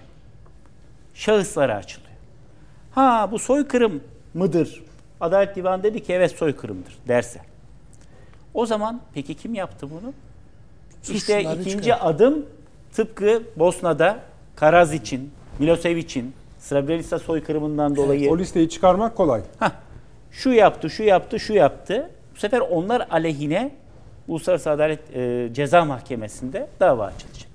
Dolayısıyla son derece önemli bu. Bakalım yarın da galiba devam Daha edecek. ediyor. Zaten iki gün hocam. Evet, sonra ne Yani netice yani? çıkacak Yarın göreceğiz. akşam bitmiş mi olacak bu? Yani A- Çünkü şey iste tedbir kararı tezlerini istiyor. söylemiş oluyor. Anladım. Tedbir kararı yani sen şeyde de öyledir ya idare mahkemesinde. Güzel çalışılmış bir Tabii. başvuru. Yani Güney Afrika'nın e, hazırladığı dosya mükemmel. Hocam o mükemmel is- şimdi şöyle bir şey var yalnız. Şimdi İsrail esasında Lahey'e git biz katılmıyoruz. Zaten şeyini de tanımıyoruz buranın derdi ve biz bizim gıyabımızda ne yapıyorsanız yapın. Biz kale almıyoruz sizi diyebilirdi. Hayır. Bu mahkemeyi kabullendi İsrail Evet evet. kendi savunma şeyini Avustralyalı bir hukuk bürosuna hazırlattılar. İsrail'in bunu çok esaslı bir dosya hazırladıkları söyleniyor. Bu Avustralyalı hukukçuların uluslararası hukuk grubunun şey yaptıkları. Söylemek istediğim şu. Bunu kabullenmiş olması bile İsrail'in İsrail açısından öyle akıl kolay göze alınabilecek bir şey değil. O yüzden Türkiye'de değil sadece bütün dünya bir takım sürprizleri de hazır olmalı bir. Ha, ama ona rağmen ben buradan soykırımın çıkacağını düşünüyorum açıkçası. Sebebi Çıkacağını mı dediniz? Çıkacağını düşünüyorum. Sebebi şu. Amerika'da bir suçlu aramak ihtiyacında şu anda. Ve Netanyahu bu işin sorumlusu, Bravo, suçlusu. Amerika şeyin önüne bir herkes dünyanın önüne bir tane adam atacak. Ha bütün bütün bu pislikleri yapan bu işte diye. 3-5 kişi, 2-3 kişi onunla birlikte ve Netanyahu başına neyin geleceğini şeyden Blinken'dan öğrendi dün bugün. Bravo. Kesin. Blinken söyledi bunu. Yani bir sene önce efendim ben buraya İsrail şey Amerikan Dışişleri Bakanı olarak değil bir Yahudi olarak geliyorum diyen adam sarılıp öpmekten helak olmuş bir adam bugün birlikte basın toplantısından çıkmak istemediğini söylemiş Netanyahu'ya. Yani yan yana fotoğraf vermek istemiyorum senden diyor. Bunu tam teraziye tutturduk mu acaba? Çünkü mesela Şimdi şu an, anlatabildim mi? Yani bu Amerika ta, tavrını değiştirdi. Ha geç değişti. Şu oldu, bu oldu filan. Ama baktılar ki fatura bu, bu, bu kendilerine çıkıyor, kesiliyor fatura. Bu şey e, New York'taki bu şey e, koridorlar mı? koridorlar evet bu e, Alpstein. şeyler e, Havra'da e, efendim Tünel- o tünelleri. tüneller bulunan işte o kanlı yataklar bilmem neler şunlar bunlar FBI'ın FBI or- ortalığa bir pislik şey iltihap döktü. Resmen teşhir ettiler. Ve o soruşturmanın üstünde daha çok tepişilecek. Ve dikkat ederseniz yani evet bu belki Amerika'nın yani New York Times'ta şurada burada değil ama Amerikan iç şeyinde sosyal medyasında resmen tepiniyor herkes bunun üstünde. Yani herkes zihninde ne kadar e, antisemitik böyle şeyler varsa herkes oraya dökmüş. O yüzden ben Amerika yani de- bizim de öyledir. Devletlerin de bir koruma güdüsü var kendine. Bir şeyin yanlış olduğunu bilirsiniz. Devletiniz yapıyordur bir şeyler. Yani geçmişte tanık olduğumuz şeyler var bizim de Güneydoğu'da filan bir takım uygulamalara. Türkiye kendisi müdahale etti. Yani o uygulamaya burnunu sokmuş, elini karıştı, eli şuraya buraya karışmış adamları kendisi Türkiye tedip etti, tasfiye etti. Ve çok acı bir şekilde tasfiye etti hem de.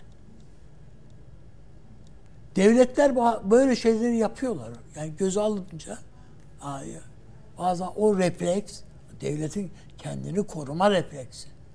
Ya Amerika gibi bir devlet, bir süper güç bütün dünyaya hükmetmeye alışmış, kendini de kendine de o misyonu biçmiş bir devlet bir İsrail'in paçasına paçasını İsrail'e kaptırdı ve gidiyor.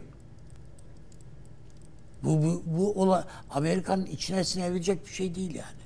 Ne kadar o Yahudi inancını e, şey yaparsa, olumlasa da şu da olsa bu da olsa Netanyahu'yu istekleri olan sevsinler.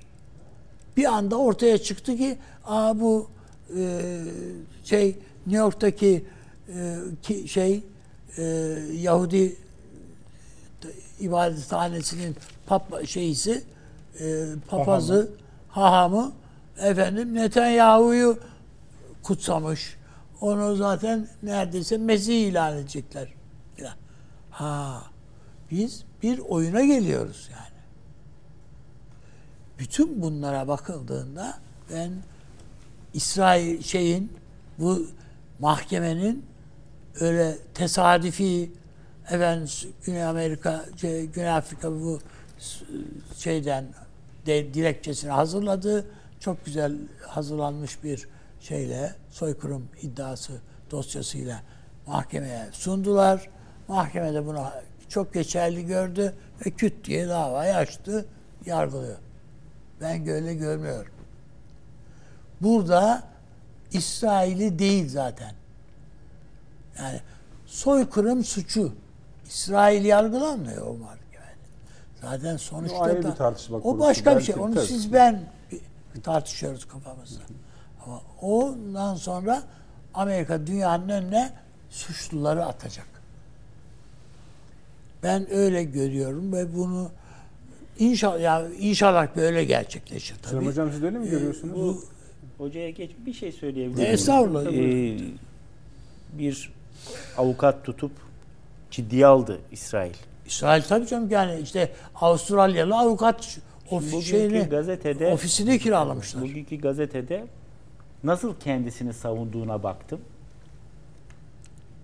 Diyor ki İsrail biz diyor Filistin halkıyla değil Hamas'la mücadele ediyoruz. Savunmasının temelli bu oluşturuyor. Sonra ama, da diyor ki ama bu denilenleri yapmadık ya diyor. efendim işte 25 bin insan öldürdünüz. Şu kadarı çocuk. Diyor ki biz diyor bombalamadan evvel uçaklardan kağıt attık. Biz burayı bombalayacağız diye. Filistinlere de diyor cep telefonlarına SMS attık. Şimdi savunması bu İsrail. Evet aşağı yukarı böyle. Ha böyle bir sav- savunmayla sen 25 bin insanı katletmeni meşru Ve göstermeye ik- çalışıyorsun. ikaz edildiğin halde bunu yapmaya devam ettin bir de. Tabii. Yani, bütün bunların hiçbirisinin ileri tutar tarafı yok. Oradaki heyetten, heyetteki mahkeme, hakimler heyetindekiler insanlar hiçbir şekilde tarihin şeyinde e, aksine bir karar verirlerse paçalarını kurtaramazlar. Ama yine de içimizde bir şüphe var değil mi? Hayır hocam. Ha. Yani bu bunlar bir ayak oyunu ona olabilir mi diye olabilir. hala böyle bir Ama şüphemiz var yani. Bu Lahey meselesi hocam şu bakımdan Bakalım yani- önemli. dava açıldığı anda bu iş bitiyor esasında. Öyle oradan beraatle çıkmak yok. Süleyman Hocam emin misiniz siz de o kadar? Ya ben tabii gönlümde başka şeydi arzu Tabii ettiği canım bizim de ediyor da. Hayır. Şimdi İsmet Paşa biliyorsunuz e, Menderes'e işte ikaz kabilinden bir konuşma yapıyor. Öyle anlatırlar ya. Evet. Seni ben bile kurtaramam Evet. diyor. Şimdi ben bu Lincoln'ın bu son turu için Türkiye'ye de geldi biliyorsunuz. Bu coğrafyanın nabzını tutmaya mahsus. Yani daha çok dinledi. Yani her devletle özel bir takım dosyalar üzerinden de konuşmuş olabilir ama bu gezinin merkezi amacı ya bu bölge ülkeler kamuoyları ne alemde yani bir birebir şöyle aracı koymadan fikir sahibi olalım. Ve bunları her bir durakta yeniden değerlendirerek gitti İsrail'e. Ve ya hakikaten indiği zaman da yüzünden düşen bin parça. Nerede e, güzel söyledi o ilk günlerdeki kucaklaşmalar, muhabbetler falan. E, açıkça Netanyahu köşeye sıkıştı. Çok açık. Çok açık. Blinken şunu söyledi bana kalırsa. Bak sen eğer bu işi durduramazsan çünkü öyle şeyler söylüyor ki yani mesela yeniden Filistinler evlerine dönsün. Ne demek bu ya? Hocam iki devletli çözüm İki devletli diye çözüm. bunu bir şeyin Tabii, tabii. Netanyahu'nun kapısının önünde söyledi ya. Ben onu biz onu Evet. Amerika ondan yanadır dedi. Ee, ve yani buna karşı Netanyahu'nun yapabildiği, söyleyebildiği şuydu. Ya biz artık ikinci safhaya geçiyoruz, yumuşatacağız savaşı. Hmm, gibi. Bu kadarcık. Dedi. Ama şunu da söylemiş olmalı Blinken. Bak, bu seni kurtarmak için son umut. Köprüden önceki son çıkış. Ama senden daha önemli olarak İsrail'i içine düştüğü bu çukurdan çıkarabilmemiz için yani İsrail'den yana gene yani bu meselenin tamamen kendisini Amerika'nın da dünyada artık tartışılmaya başlayan kontrol kaybını iyice derinleştirecek, faş edecek süreçlere gebe olduğunu da görüyorlar. Yani şimdi İsrail'in kuzeyindeki kasabalar dedik- dedikleri Süleyman Hocam unutmayın kasabalarda kaldınız. Bütün bu turun anlamı bu hani yavaşlamadan, yoğunluğun düşmesinden sonraki İsrail'in yoluna devam etmesinin yani varlığını da geçtik. Alanını kurtarmaya çalışan. kurtarmaya matuf. Yoksa Netanyahu Ee, önemli değil yani. İsrail'in kuzeyinde yaşayan 300 bin kişi evlerini terk ettiler. Evet. Şimdi içe doğru da bir göç var. Bunun getirdiği bir sürü problem var. Adamlar evlerine giremiyor. Evet. Şimdi İsrail diyor ki buna karşılık. İşte e, Lübnan'da bir nehir varmış. O nehrin evet onun gerisine Hizbullah gitsin yoksa orayı da cehenneme çevireceğim. Bak şimdi. Ya şimdi sonuçta Hizbullah'ı bu işin içine dahil etmek, başka İran'a müzahir kuvvetleri işin içine derken İran'ı o Amerika kontrol edemez. Bakın şu Kızıldeniz'i kontrol edemedi yani doğru düzgün. Ya bunlar Amerika'yı yani kaç defa şöyle bugün, edemedi dün yani. bugün de vardı. İşte şu kadar ülkeye gideceğiz oraya donanmalarımız var. Herkes hadi eyvallah dedi. Bu bak işine. Destekliyoruz Avrupa'dan. Avrupa'dan reaksiyonlar gelmeye başlıyor. Dikkat edelim buna. Yani Avrupa'da yeter diyor artık yani. Kendi yolunu çizmeye gayret. İtalyanlar yine söylediler. E işte söylediler Kuralım bir ordu diyorlar ya. Şimdi bu davaya gelecek olursak iki ihtimal var bildiğiniz gibi. ya. Bu maçta beraberlik yok. Ya bu mahkeme diyecek ki İsrail soykırım yapıyor. Bu ne demek biliyor musunuz? En azından bir 10-15 sene kadar medeniyet idare edecek demek. Söylemini ayakta tutabilecek demek. Evet, evet, evet. Bakın en az 10-15 sene. Bu medeniyete bir nefes aldıracak olan bir şey. Çünkü medeniyet en sonunda hukuk ve adalet yani. Nerede tartılır ki yani? Ee, bu karar çıkarsa İsrail'in kuruluş felsefesi çöker. Çünkü İsrail şuna çok dikkat ediyor. Ben her şeyi hak ediyorum. Benim kuruluşum bu zaten. Çünkü 6 milyon Yahudi kamplarda Öldürüldü. öldürüldü. Soykırıma uğradım. Ermeniler en çok yani diasporayı kastediyorum tabii ki İsrail'den şikayetçi. Çünkü İsrail bunu ünik, eşsiz, tek tutmak istiyor. Düşünün bu kadar önemli bunlar için. Onun için Ermeni soykırımı Bunu falan ya yıllarca, katiyen tabii, tabii, e, görme, ha, yani desteklemedi de. desteklemezler yani. Şimdi bu onun kuruluş felsefesi demektir yani. Yani soykırımın gadrine uğramış ve bunun üzerine kurulan bir ulus, elde edilmiş bir vatan, orada soykırım yapıyor. Soykırımdan suçlanıyor. Bu nedir ya? Çöker. Holocaust mağdurlarının torunları Gazze Kost yaptılar. Ne yaptılar? Şimdi dolayısıyla yani mahvolur adamlar. Şimdi bir de Netanyahu'nun İsrail'i sürüklediği yere bakın. Dolayısıyla eğer Uluslararası Ceza Mahkemesi'nde yargılanmıyorsa bile bir gün İsrail'de yargılanır. O zaman da vallahi ne olur onu bilmiyorum yani. Çünkü İsrail'in kaderiyle oynuyor adam. Almış iki tane e, ultra manyağı yanına. Adamlar atıyor tutuyor yani. Şimdi Bugün de Eğer- Şimbet'in başkanının açıklaması vardı bugün. Yani iç savaşa gidiyoruz diye. gider yani işte onu diyorum. Ya bu İsrail yıkılır yani. Şimdi tersi ihtimal diyelim ki işte allem ettiler, kallem ettiler. Bu davayı O.J. Simpson davasına çevirdiler diyelim ki. Biliyorsunuz bu O.J. Simpson davasında herkes emin, kanıtlar yeteri kadar var. Bu adam karısını öldürmüş. Ama allem etti o meşhur avukatlar işte o yani cin fikirli avukatlar açıkları buldular bilmem usul bilmem nesi şekli bilmem Eldiveni neler. şöyle miydi Ha, de böyle. deyip çevirip adamı beraat ettirdiler. Ama orada halk jürisi var tabii. Jüri. Ha, işte ayarladılar yani hepsini. Bu dava O.J. Simpson davası değil. Yani orada oturan yargıçlar Ki bunlar ağırlıklı olarak da tabii yani Avrupa'yı hukuk geleneklerine falan oturan adamlardır. Ya öyle Amerika'daki hukuk maskaralıkları falan orada oluyorsa eğer zaten medeniyet artık tamam bitmiş demektir. Gidilecek başka köy yok. Hukuktan sonra gidilecek başka köy yok. Hani savaşlar olur, barışlar olur, işte suçlamalar olur bilmem bir gidilecek bir hukuk kalır.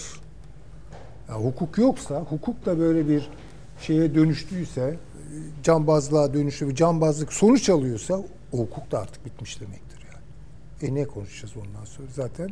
Yani medeniyet iddiasını hangi referansa dayalı ol- olarak da olsa tekrarlamanın insanı ancak karikatür haline getirdiği bir evreye gidiyoruz demektir. Bu karikatürleşmeyi göze alacak mıyız? Ya bu sadece o mahkemenin meselesi olmaktan çıkar, bütün bir insanlığın meselesi haline dönüşür. Medeniyetin e, meselesi haline dönüşür. Yani is- bugün Netanyahu köşeye sıkışmış vaziyette. Bunu görelim. Kaybettiler. Bitti. Yani Hamas kazandı.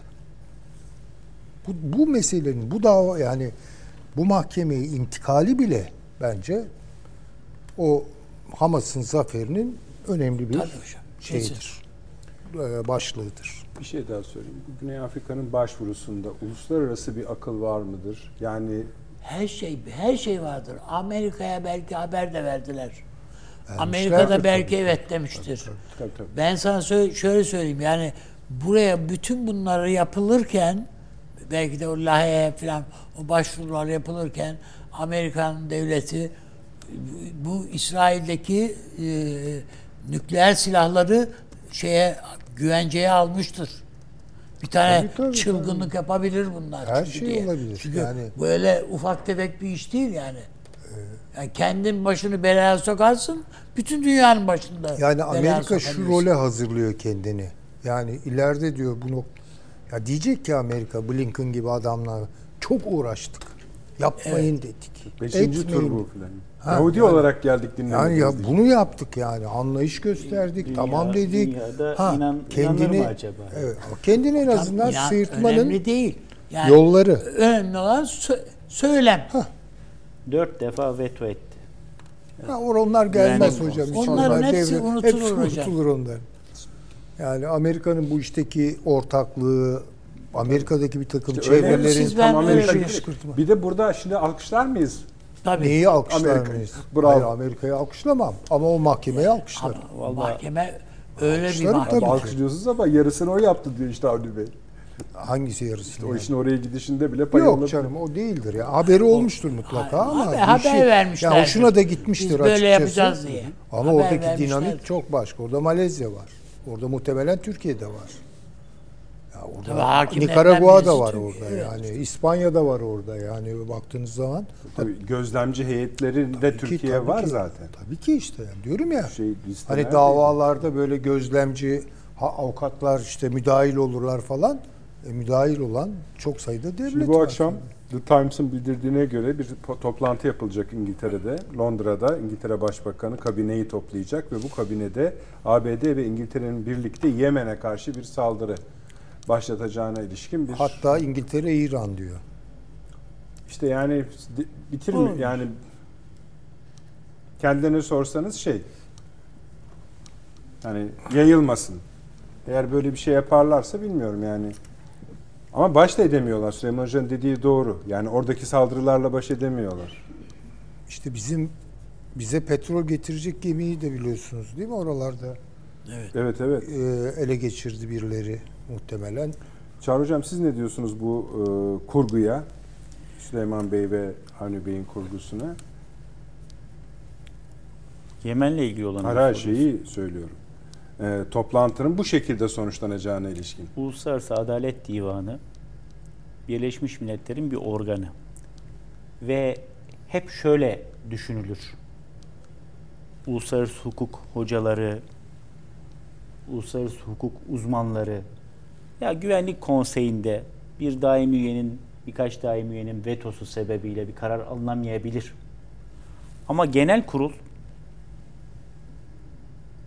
dünyanın vicdanıdır. Orada herkes eşittir. Bir durumu tespit eder. Uluslararası Adalet Divanı da kararında siyasi davranmaz. Hukuka, çünkü orada evet bir kendine has hukuku var. Batı hukukundan neşet etmiş. Ama dünyanın her yerinden Birleşmiş Milletler üyesi ülkelerin tamamından seçilip gelmiş yargıçlar var orada. Elbette neticede ya acaba başıma bir şey gelir mi? Bu Musevi lobisi beni ölümüme kadar, emekli olana kadar takip eder mi? Bir takım dosyalarımı çıkartırlar mı? İnsan bunlar. Endişesi taşıyabilirler ama bu endişeyi taşıyan oraya yargıç olamaz diye kabul ediyoruz. Ya şöyle Yani, düşünmüş yani o adamın oraya yargıç olamaması lazım. O aşamaya kadar o en üst düzeyli yargı organına üye olamaması lazım. O ihtimale rağmen Ha, yemin ediyor Şimdi biz yani. dünyanın gözleri hocam. önünde dünyanın gözleri önünde cereyan eden bir soykırım. Daha ilk haftasında bu Türkiye'den söylendi. Gazze'de soykırım oluyor.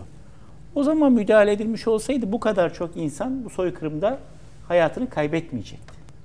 Engellendi, engellendi, engellendi. Dolayısıyla eğer gerçekten objektif hukuk anlayışıyla karar verirse ki yüzde 99 öyle yapacak. Buradan bu bir soykırımdır tespiti çıkar. Ha ondan sonra peki bunu kim yaptı? Bu soykırımın failleri kimler?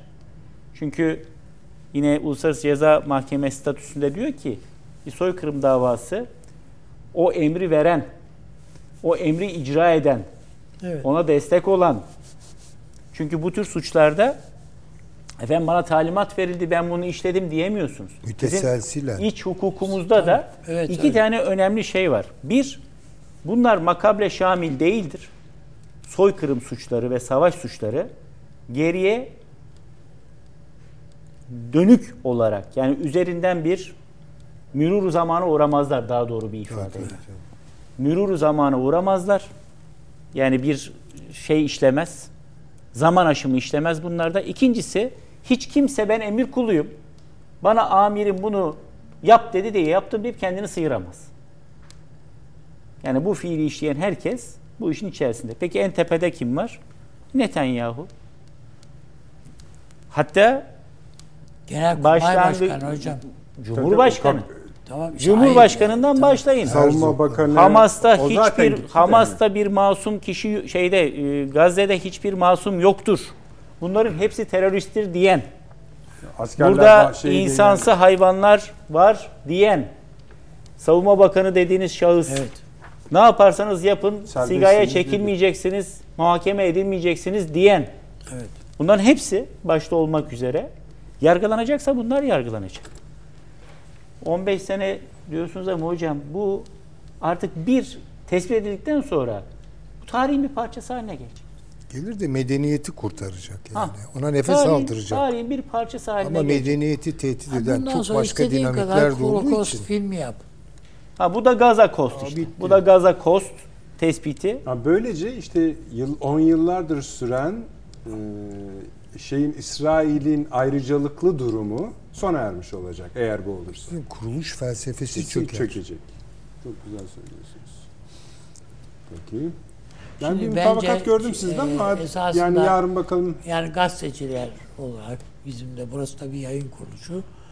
Ee, hem bu iki günlük, üç günlük bu mahkemeyi takip etmek hem de bundan sonra esas ceza davasını ayrıntı tıpkı Nürnberg duruşmaları E, bravo, gibi yarın dedim ya, bir gün bu bu yapılır. Tamam bunu yani buradan mesela oraya bir çekim heyeti gönderip şimdiden akreditasyonunu falan ayarlayıp gönderip oradan bunu takip etmek lazım. Peki. Ne düşünüyorum? Tamam yani bunun sonucunu kısa sürede alacağımız için Ha çok uzun sürmüyor bu bu yargılamalar. Ay şey diyorum Yani hani bu mahkemeyi şey Bosna'da sanıkların ele geçirilmesi uzun sürdüydü. Kaçmıştı. Kaçmıştı. falan. Yani onların bulunması, saklandıkları yerler, güvenlik falan uzun sürdü. Yani- Burada öyle değil. Burada yerinde duruyor herif. Öteki İsrail kamuoyu bu adamları tepsiye koyar verir gönderir ben söyleyeyim. Başka türlü çıkamayacaklar zaten bu badireden.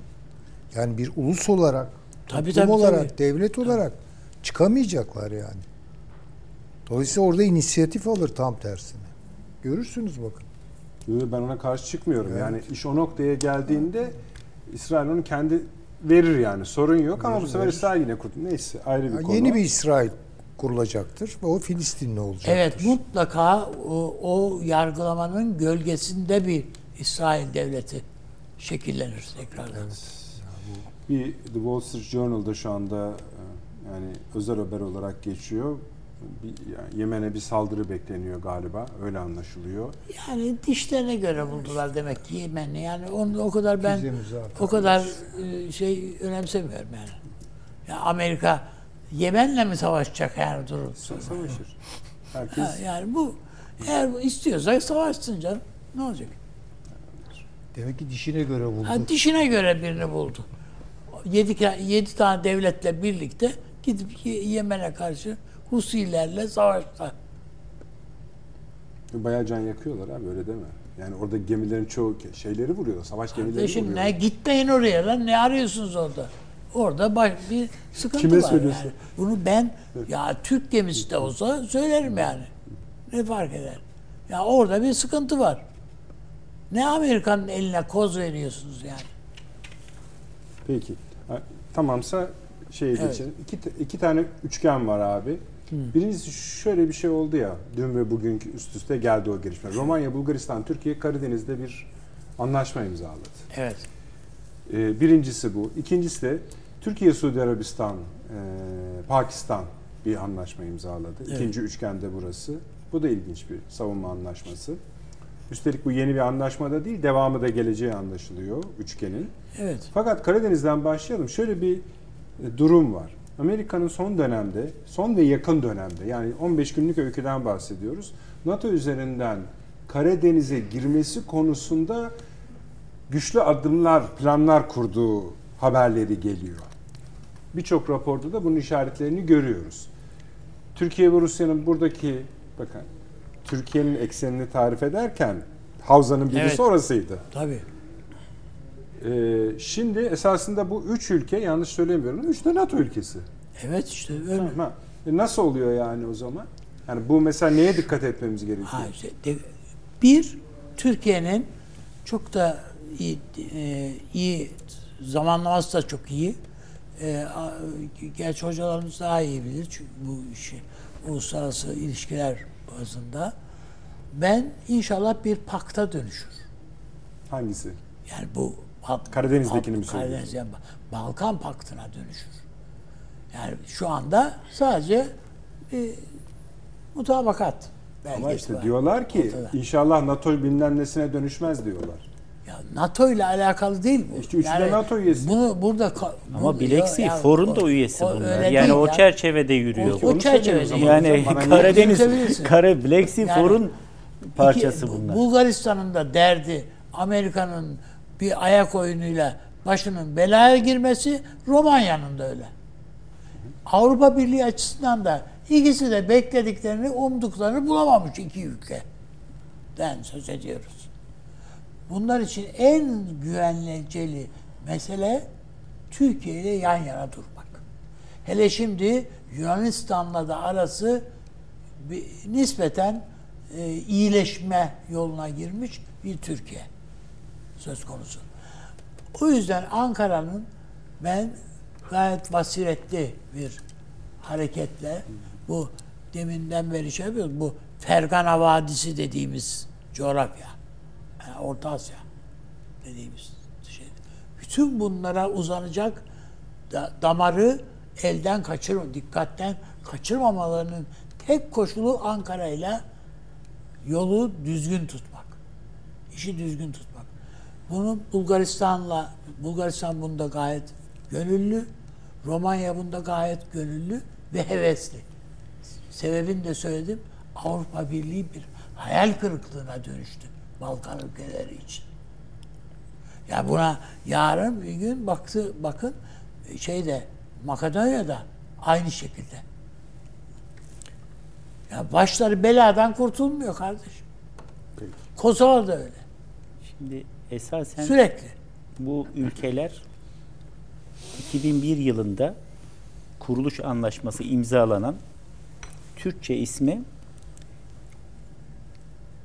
Karadeniz'e sahilder devlet, devletlerin donanma işbirliği görev grubu adı bu. Bunun 6 üyesi var. Türkiye, Bulgaristan ve Romanya bunun üyesi. Bunun NATO ile Avrupa Birliği ile falan bir yok canım. alakası yok. Bakın burada diyor ki kuruluş anlaşmasında söz konusu Black Sea For'un görevleri arasında neler varmış? Arama ve kurtarma harekatı Karadeniz'de ki icra ediliyor. Mesela bir balıkçı gemisi veya bir şilep battığında bunlar arasında ta- ortak tatbikatlar yapıyorlar her sene bunlar.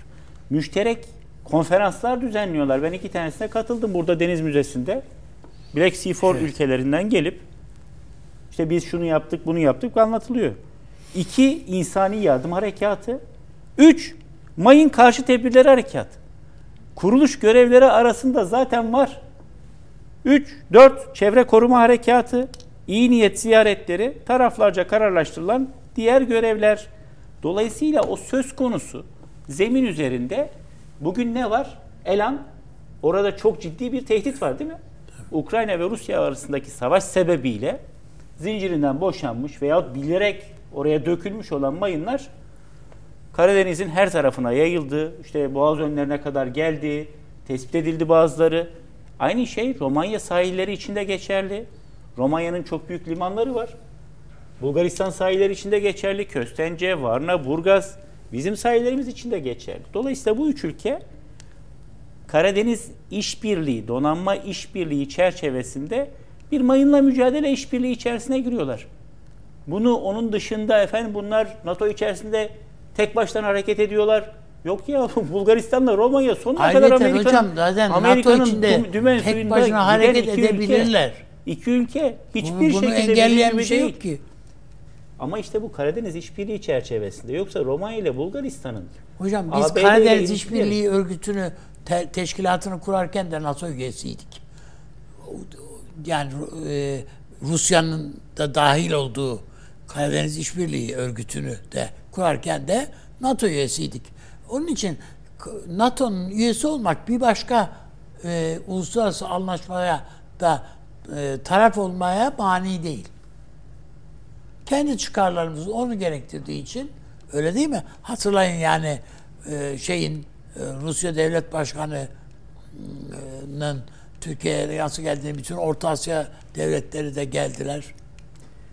Avni abi ben de diyorum ki Yani Turgut. Özal'la e, Süleyman Demirel kapıştı. Sen mi açılışını yapacaksın ben mi yapacağım diye. Tabii ki mani değil. Fakat bu işbirliğinin maksadı o değil. Bu işbirliğinin maksadı onu demiyorum zaten. mayınla hani mücadele. NATO ne diyecek Bunun ötesinde diye. düşünceleri sözü yok adamların Hayır böyle yani. bir şey yok. NATO ne derse desin. Zaten NATO'nun diyecek bir şey de yok. Yok bir şey yani, ne 2001'de alakası kurulmuş var? bu teşkilat. Tabii. Görevlerin arasında da bu var. Mayınla mücadele var. Şimdi diyorlar ki bu söz konusu durum için bugün onu işletelim. Ha, Rusya ile Ukrayna'yı dahil edemeyiz işin içerisine. Çünkü onlar birbirleriyle çatışıyorlar. Kim girebilir? Biz girebiliriz. Başka bir şey var. Buyurunuz. Süleyman Hocam. buyurun. Ee, ben tabii Çağrı Hoca'nın dediği gibi e, bir muhtevaya sahipse bu inisiyatif alma diyelim bölgesel hiç problem yok. Ama işte öyle bir dünyada yaşıyoruz ki bizi böyle neredeyse paranoyanın eşiğinde yaşatıyor. Daha gemiler yeni döndü. İngiliz Şimdi- gemileri kapıdan. Ha, işte onu söyleyecektim. Yani nedense bu anlaşma tam da İngiltere'nin bizim boğazlardan geçirmek istediği mayın tarama gemileriyle ilgili probleme oturuveriyor. İşte biz yaparız diyoruz. Size gerek yok diyoruz onlara. İşte öyle mi oluyor acaba? Bilemiyorum ben onu yani. Tam da öyle oluyor. Ben bir kesinleme yapamayacağım o konuda. Çünkü İngiltere'de çok ağır yazılar çıktı. Bakın. Hocam, Tür yorumlamaya dedi ki- kalktılar bunlar Mo- Montreux'u. Hayır bir de şu, tabii canım. Yani- Yani, diyor ki biz şeye sordular İngiliz Diyor savaş Deniz gemisi ki Kuvvetleri'nin komutanına yani. sordular. Bak Türkiye geri çevirdi bunları. Biliyorduk dedi. Nereden biliyorsun? Ukraynalı Ukrayna'nın Deniz Kuvvetleri Komutanı söylemişti zaten diyor. Ona Diyor rağmen ama- gönderiyor. Ona rağmen gönderiyor. Bir de şunu söylüyor. Montreux'u Türkiye yanlış anlıyor diyor. Bunlar diyor savaş gemisi değil ki diyor. Bunlar diyor sivil gemilere de tehlike doğuran dolayısıyla savaşın dışında düşünülmesi gereken mayın arama sanki yani MAV'la tarif ediyor gibi. Yani böyle bak. Bakın bunlar yani bu açıdan takip edilmeli diyorum ben. Deniz Bu Kuvvetleri anlaşmanın- Komutanımızın söylediğini hatırlayalım. Yani aman gözünüzü seveyim yani şu Montreux meselesini asla bir daha böyle Evet, tartışmak, Tabii. günlük siyasete alet etmek falan üzerine titreyeceğiz. Bakın bu tam ara bölge refleksidir. Ara bölge inisiyatifidir. İşte bu Ve çıldırtıyor bunları. Ya Atlantik'i çıldırtıyor. Ya şu Montreux'den nasıl kurtulacağız? Onu hem nasıl delebiliriz? Zorluyorlar yani. Zorluyorlar yani. Onun için hani Hassasiyet orada yoksa burada biraz dikkat edelim. Ya onlar öyledir, şöyledir di- diye değil. Sadece hassas olmak adına bile söylenmesi gereken bir konu ama şeyi de konuşalım madem Çağrı Hocam. Şu diğer üçlüyü Suudi Arabistan, Söyle- Türkiye, ha. Pakistan. Yani bunların he- hangisine Hani bakarsak senin lafın var bakalım, ya abi. Hani Evet. neye lazımdı şimdi? Hangisi? Ee, yani hangisine bakarsak bakalım Türkiye'nin bu üçlü anlaşmaların tamamında hayrı var Türkiye'nin. Suudi Arabistan'la işbirliğinin yani Suudi Arabistan'la hele e, birbirimize girelim diye ya, kurmadıkları tezgah yok ya. Şundan sonra Türkiye'nin bu tür işbirliklerinin tamamının içinde olması lazım. Bir bu. İki, dün dün değil, dün evet e, dün Irak Başbakanı Amerikan Büyükelçisi'ne dedi ki Irak'ı bir an evvel Amerikan kuvvetlerinin terk etmesi için hızlandırın dedi. orada da bir ayrı vaka yaşanıyor. Yani bu Tabii, tabii, önemli bir şey yani. Burnumuzun dibinde. Dolayısıyla bizim bu Irak meselesini filan yeni baş ve İran da destekliyor artık. Önce bu Amerika'dan kurtulmak lazım diye. Yani aramızda bir takım anlaşmazlıklar var, itiş kakış var. Biz hesaplaşırız ama önce şu Amerika'yı buradan çıkaralım diyor. E, Bizce de öyle. Ha, bunlar, Peki. bunlar burada yani ta bu programın baş, başladığı andan itibaren e, şey ilk Süleyman Hoca'nın konuşmasından alıp getirelim.